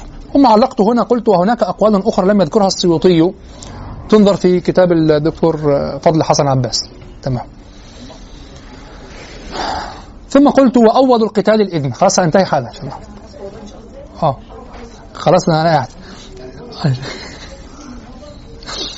وأول القتال الإذن هذا شروع في ذكر الأولية المقيدة. أول القتال الإذن أول ما نزل فأول ما نزل من في القتال الإذن فيه. وهو قوله تعالى أذن للذين يقاتلون بأنهم ظلموا. وأول الخمر السؤال قوله تعالى يسألونك عن الخمر والميسر. وأول الأطعمة لا أجد. قوله تعالى قل لا أجد فيما أوحي إلي محرما. وأول براءة نصركم. قوله تعالى لقد نصركم الله في مواطن كثيرة. وآخر التنزيل قيل واتقوا يوما بالبقرة وقيل الربا وقيل يستفتونك النساء وقيل إذا جاء النصر. وحرر القاضي أن ليس فيها ما يرفع. طيب هذه الأوليات ما فائدتها؟ في معرفة أول ما نزل من القرآن. فائدتها قليلة جدا في هذا السياق. هي فقط ذكر فائدة مقيدة ليس أكثر من ذلك. يعني أول ما نزل في كذا أول ما نزل في كذا أول ما نزل في كذا ثم ماذا؟ هم؟ نعم ولكن هذه مقيدة. نحن نتكلم في أول ما نزل من القرآن. لذلك أعقبوه بالمكي والمدني. لكن ربما لأنه اضطردت نسبته هنا أو اضطردت فائدته هنا والمناسبة والعلاقة فأوردوه. ها. وآخر التنزيل قيل واتقوا يوما بالبقرة وقيل الربا وقيل يستفتونك النساء وقيل إذا جاء النصر وحرر القاضي أن ليس فيها ما يرفع بل بضرب اجتهاد وتغليب وليس من الفرائض فلا مطعن فيه. أما الآية الثالثة من سورة المائدة فهذه قالوا إنها أول ما آخر ما نزل في الأحكام لكن بالإجماع والاتفاق نزل بعدها قرآن. ها؟ بالضبط. قالوا نزل بعدها أحكام. نزل بعدها أحكام. لكن آه هذا بالإجماع بالاتفاق. واضح؟ لكن قالوا ضابط من قال إنها آخر ما نزل أو قيده إنها آخر ما نزل من الأحكام. طيب اعلم أن الكلام في آخر ما نزل كثير وليس كالكلام في أول ما نزل. ويفسر كثرة الأقوال فيه قول البيهقي في دلائل النبوة يجمع بين هذه الاختلافات إن صحت بأن كل واحد أجاب بما عنده. يعني إن لم يحمل على القيد فهو أجاب بما عنده. نعم. وقول القاضي الباقلاني في الانتصار له كتاب رائع اسمه الانتصار للقرآن. لكن كتب الباقلاني تحتاج إلى الصبر على قراءتها لأنه انفعالي هو يشبهني في هذا وأنا أشبهه في هذا. انفعالي جدا ويستطرد وينفعل و... ولكن يرجع إلى الموضوع مرة أخرى. فكتبه كبيرة. واضح؟ وقول القاضي الباقلاني في الانتصار وليس في شيء من الروايات إلى النبي عليه السلام وليس في شيء من الروايات إلى النبي عليه السلام. وقد يجوز أن يكون بضرب من الاجتهاد وتغليب الظن وبظاهر الحال. وليس العلم بذلك أيضا من فرائض الدين. ولا هو مما نص الرسول صلى الله عليه وسلم على أمر فيه بينه وأشاعه وأذاعه وقصد إلى إيجابه وإقامة الحجة به. فلذلك لم يجز ظهوره عنه. وحصول الاتفاق عليه وثبوت العلم به قطعا يقينا. وقد يحتمل أن يكون كل قائل ممن ذكرنا يقول إنما حكم به بأن ما ذكره آخر ما نزل لأجل أنه آخر ما سمعه من رسول الله صلى الله عليه وسلم في اليوم الذي مات فيه أو ساعة موته على بعد ذلك أو قبل مرض يعني على بعد هذا الأمر يعني أو قبل مرضه الذي مات فيه بيومين أو ساعة. وقد سمع منه غيره شيئا نزل بعد ذلك. وإن لم يسمعه هو لمفارقته له ونزول الوحي بقرآن بعده. وقد يحتمل أيضا أن تنزل شوف الاحتمالات كلها احتمالات. وقد يحتمل أيضا أن تنزل الآية التي هي آخر آية تلاها الرسول صلى الله عليه وسلم عليهم مع آيات نزلت معها. فيؤمر برسم ما نزل معها وتلاوتها عليه بعد رسم ما أنزل أخيرا وتلاوته. رسم يعني كتابته فيظن سامع ذلك أنه فيظن سامع ذلك أنه آخر ما نزلت في الترتيب. ويحتمل أيضا إلى آخره. إلى آخر ما ذكره من وجوه. طيب إذا هو هذا الأمر فيه اختلافات كثيرة جدا. لماذا؟ أول ما نزل حدث جلل. وأول ما نزل سيضبط المصحف كله القرآن كله. وله علاقة بالقرآن كله. ولذلك كان اقرأ. واضح؟ لا مقروء إن هذا القرآن يهدي للتي هي أقوى من حيث كونه قرآنا. خلاص؟ لكن آخر ما نزل يمكن أيضا أن يت... لأن آخر ما سي... أول ما نزل مفتاح فيكون مفتاحا لكل القرآن. آخر ما نزل سيوضع في سياق في صورة. ولن يظل خاتمة كتاب. فهمتم القصد؟ يعني فيه اختلافات كثيرة في آخر ما نزل. وطبعا آخر ما نزل جزءا من صورة. فليس له اعتبار بحد ذاته بأكثر من أنه نزل على حكمة معينة في موقف معين وانتهت هذه الحكمة خلاص. ودخلت في حكمة أعلى هي أن تكون في جزء صورتها. واضح؟ هذا هو. لذلك ترى الحفاوة بأول ما نزل أكثر والضبط في الكلام فيها أكثر والفائدة منها أكثر. أما آخر ما نزل يعني سي... أصلا سي... سيدرج في صورة. جزء في سياق سيوضع. هو مثل ما سنتناوله من أسباب النزول. الحكمة في سبب النزول فقط حادثة وقعت نزلت فيها كذا ثم ستدرج في صورة. أما أول ما نزل هذا أول صورة ممكن وكان أول صورة فعلا الذي هو يشوف حتى الأقوال فيها ماذا؟ الفاتحة وال وال وال, وال والمدثر وإقرأ. هي الأول أول السورة واضح؟ فهي أولها ستضبط السورة ثم ستضبط. جزاكم الله خيرا. ستضبط السورة ثم ستضبط القرآن كله أصلا. القرآن كله بعد ذلك. فلذلك هناك حفاوة وفائدة أكبر من أول السورة من أول ما نزل. أما آخر ما نزل سيدرج. فهمتم؟ هذا هو. طيب نكتفي لأنهم قد انتهوا.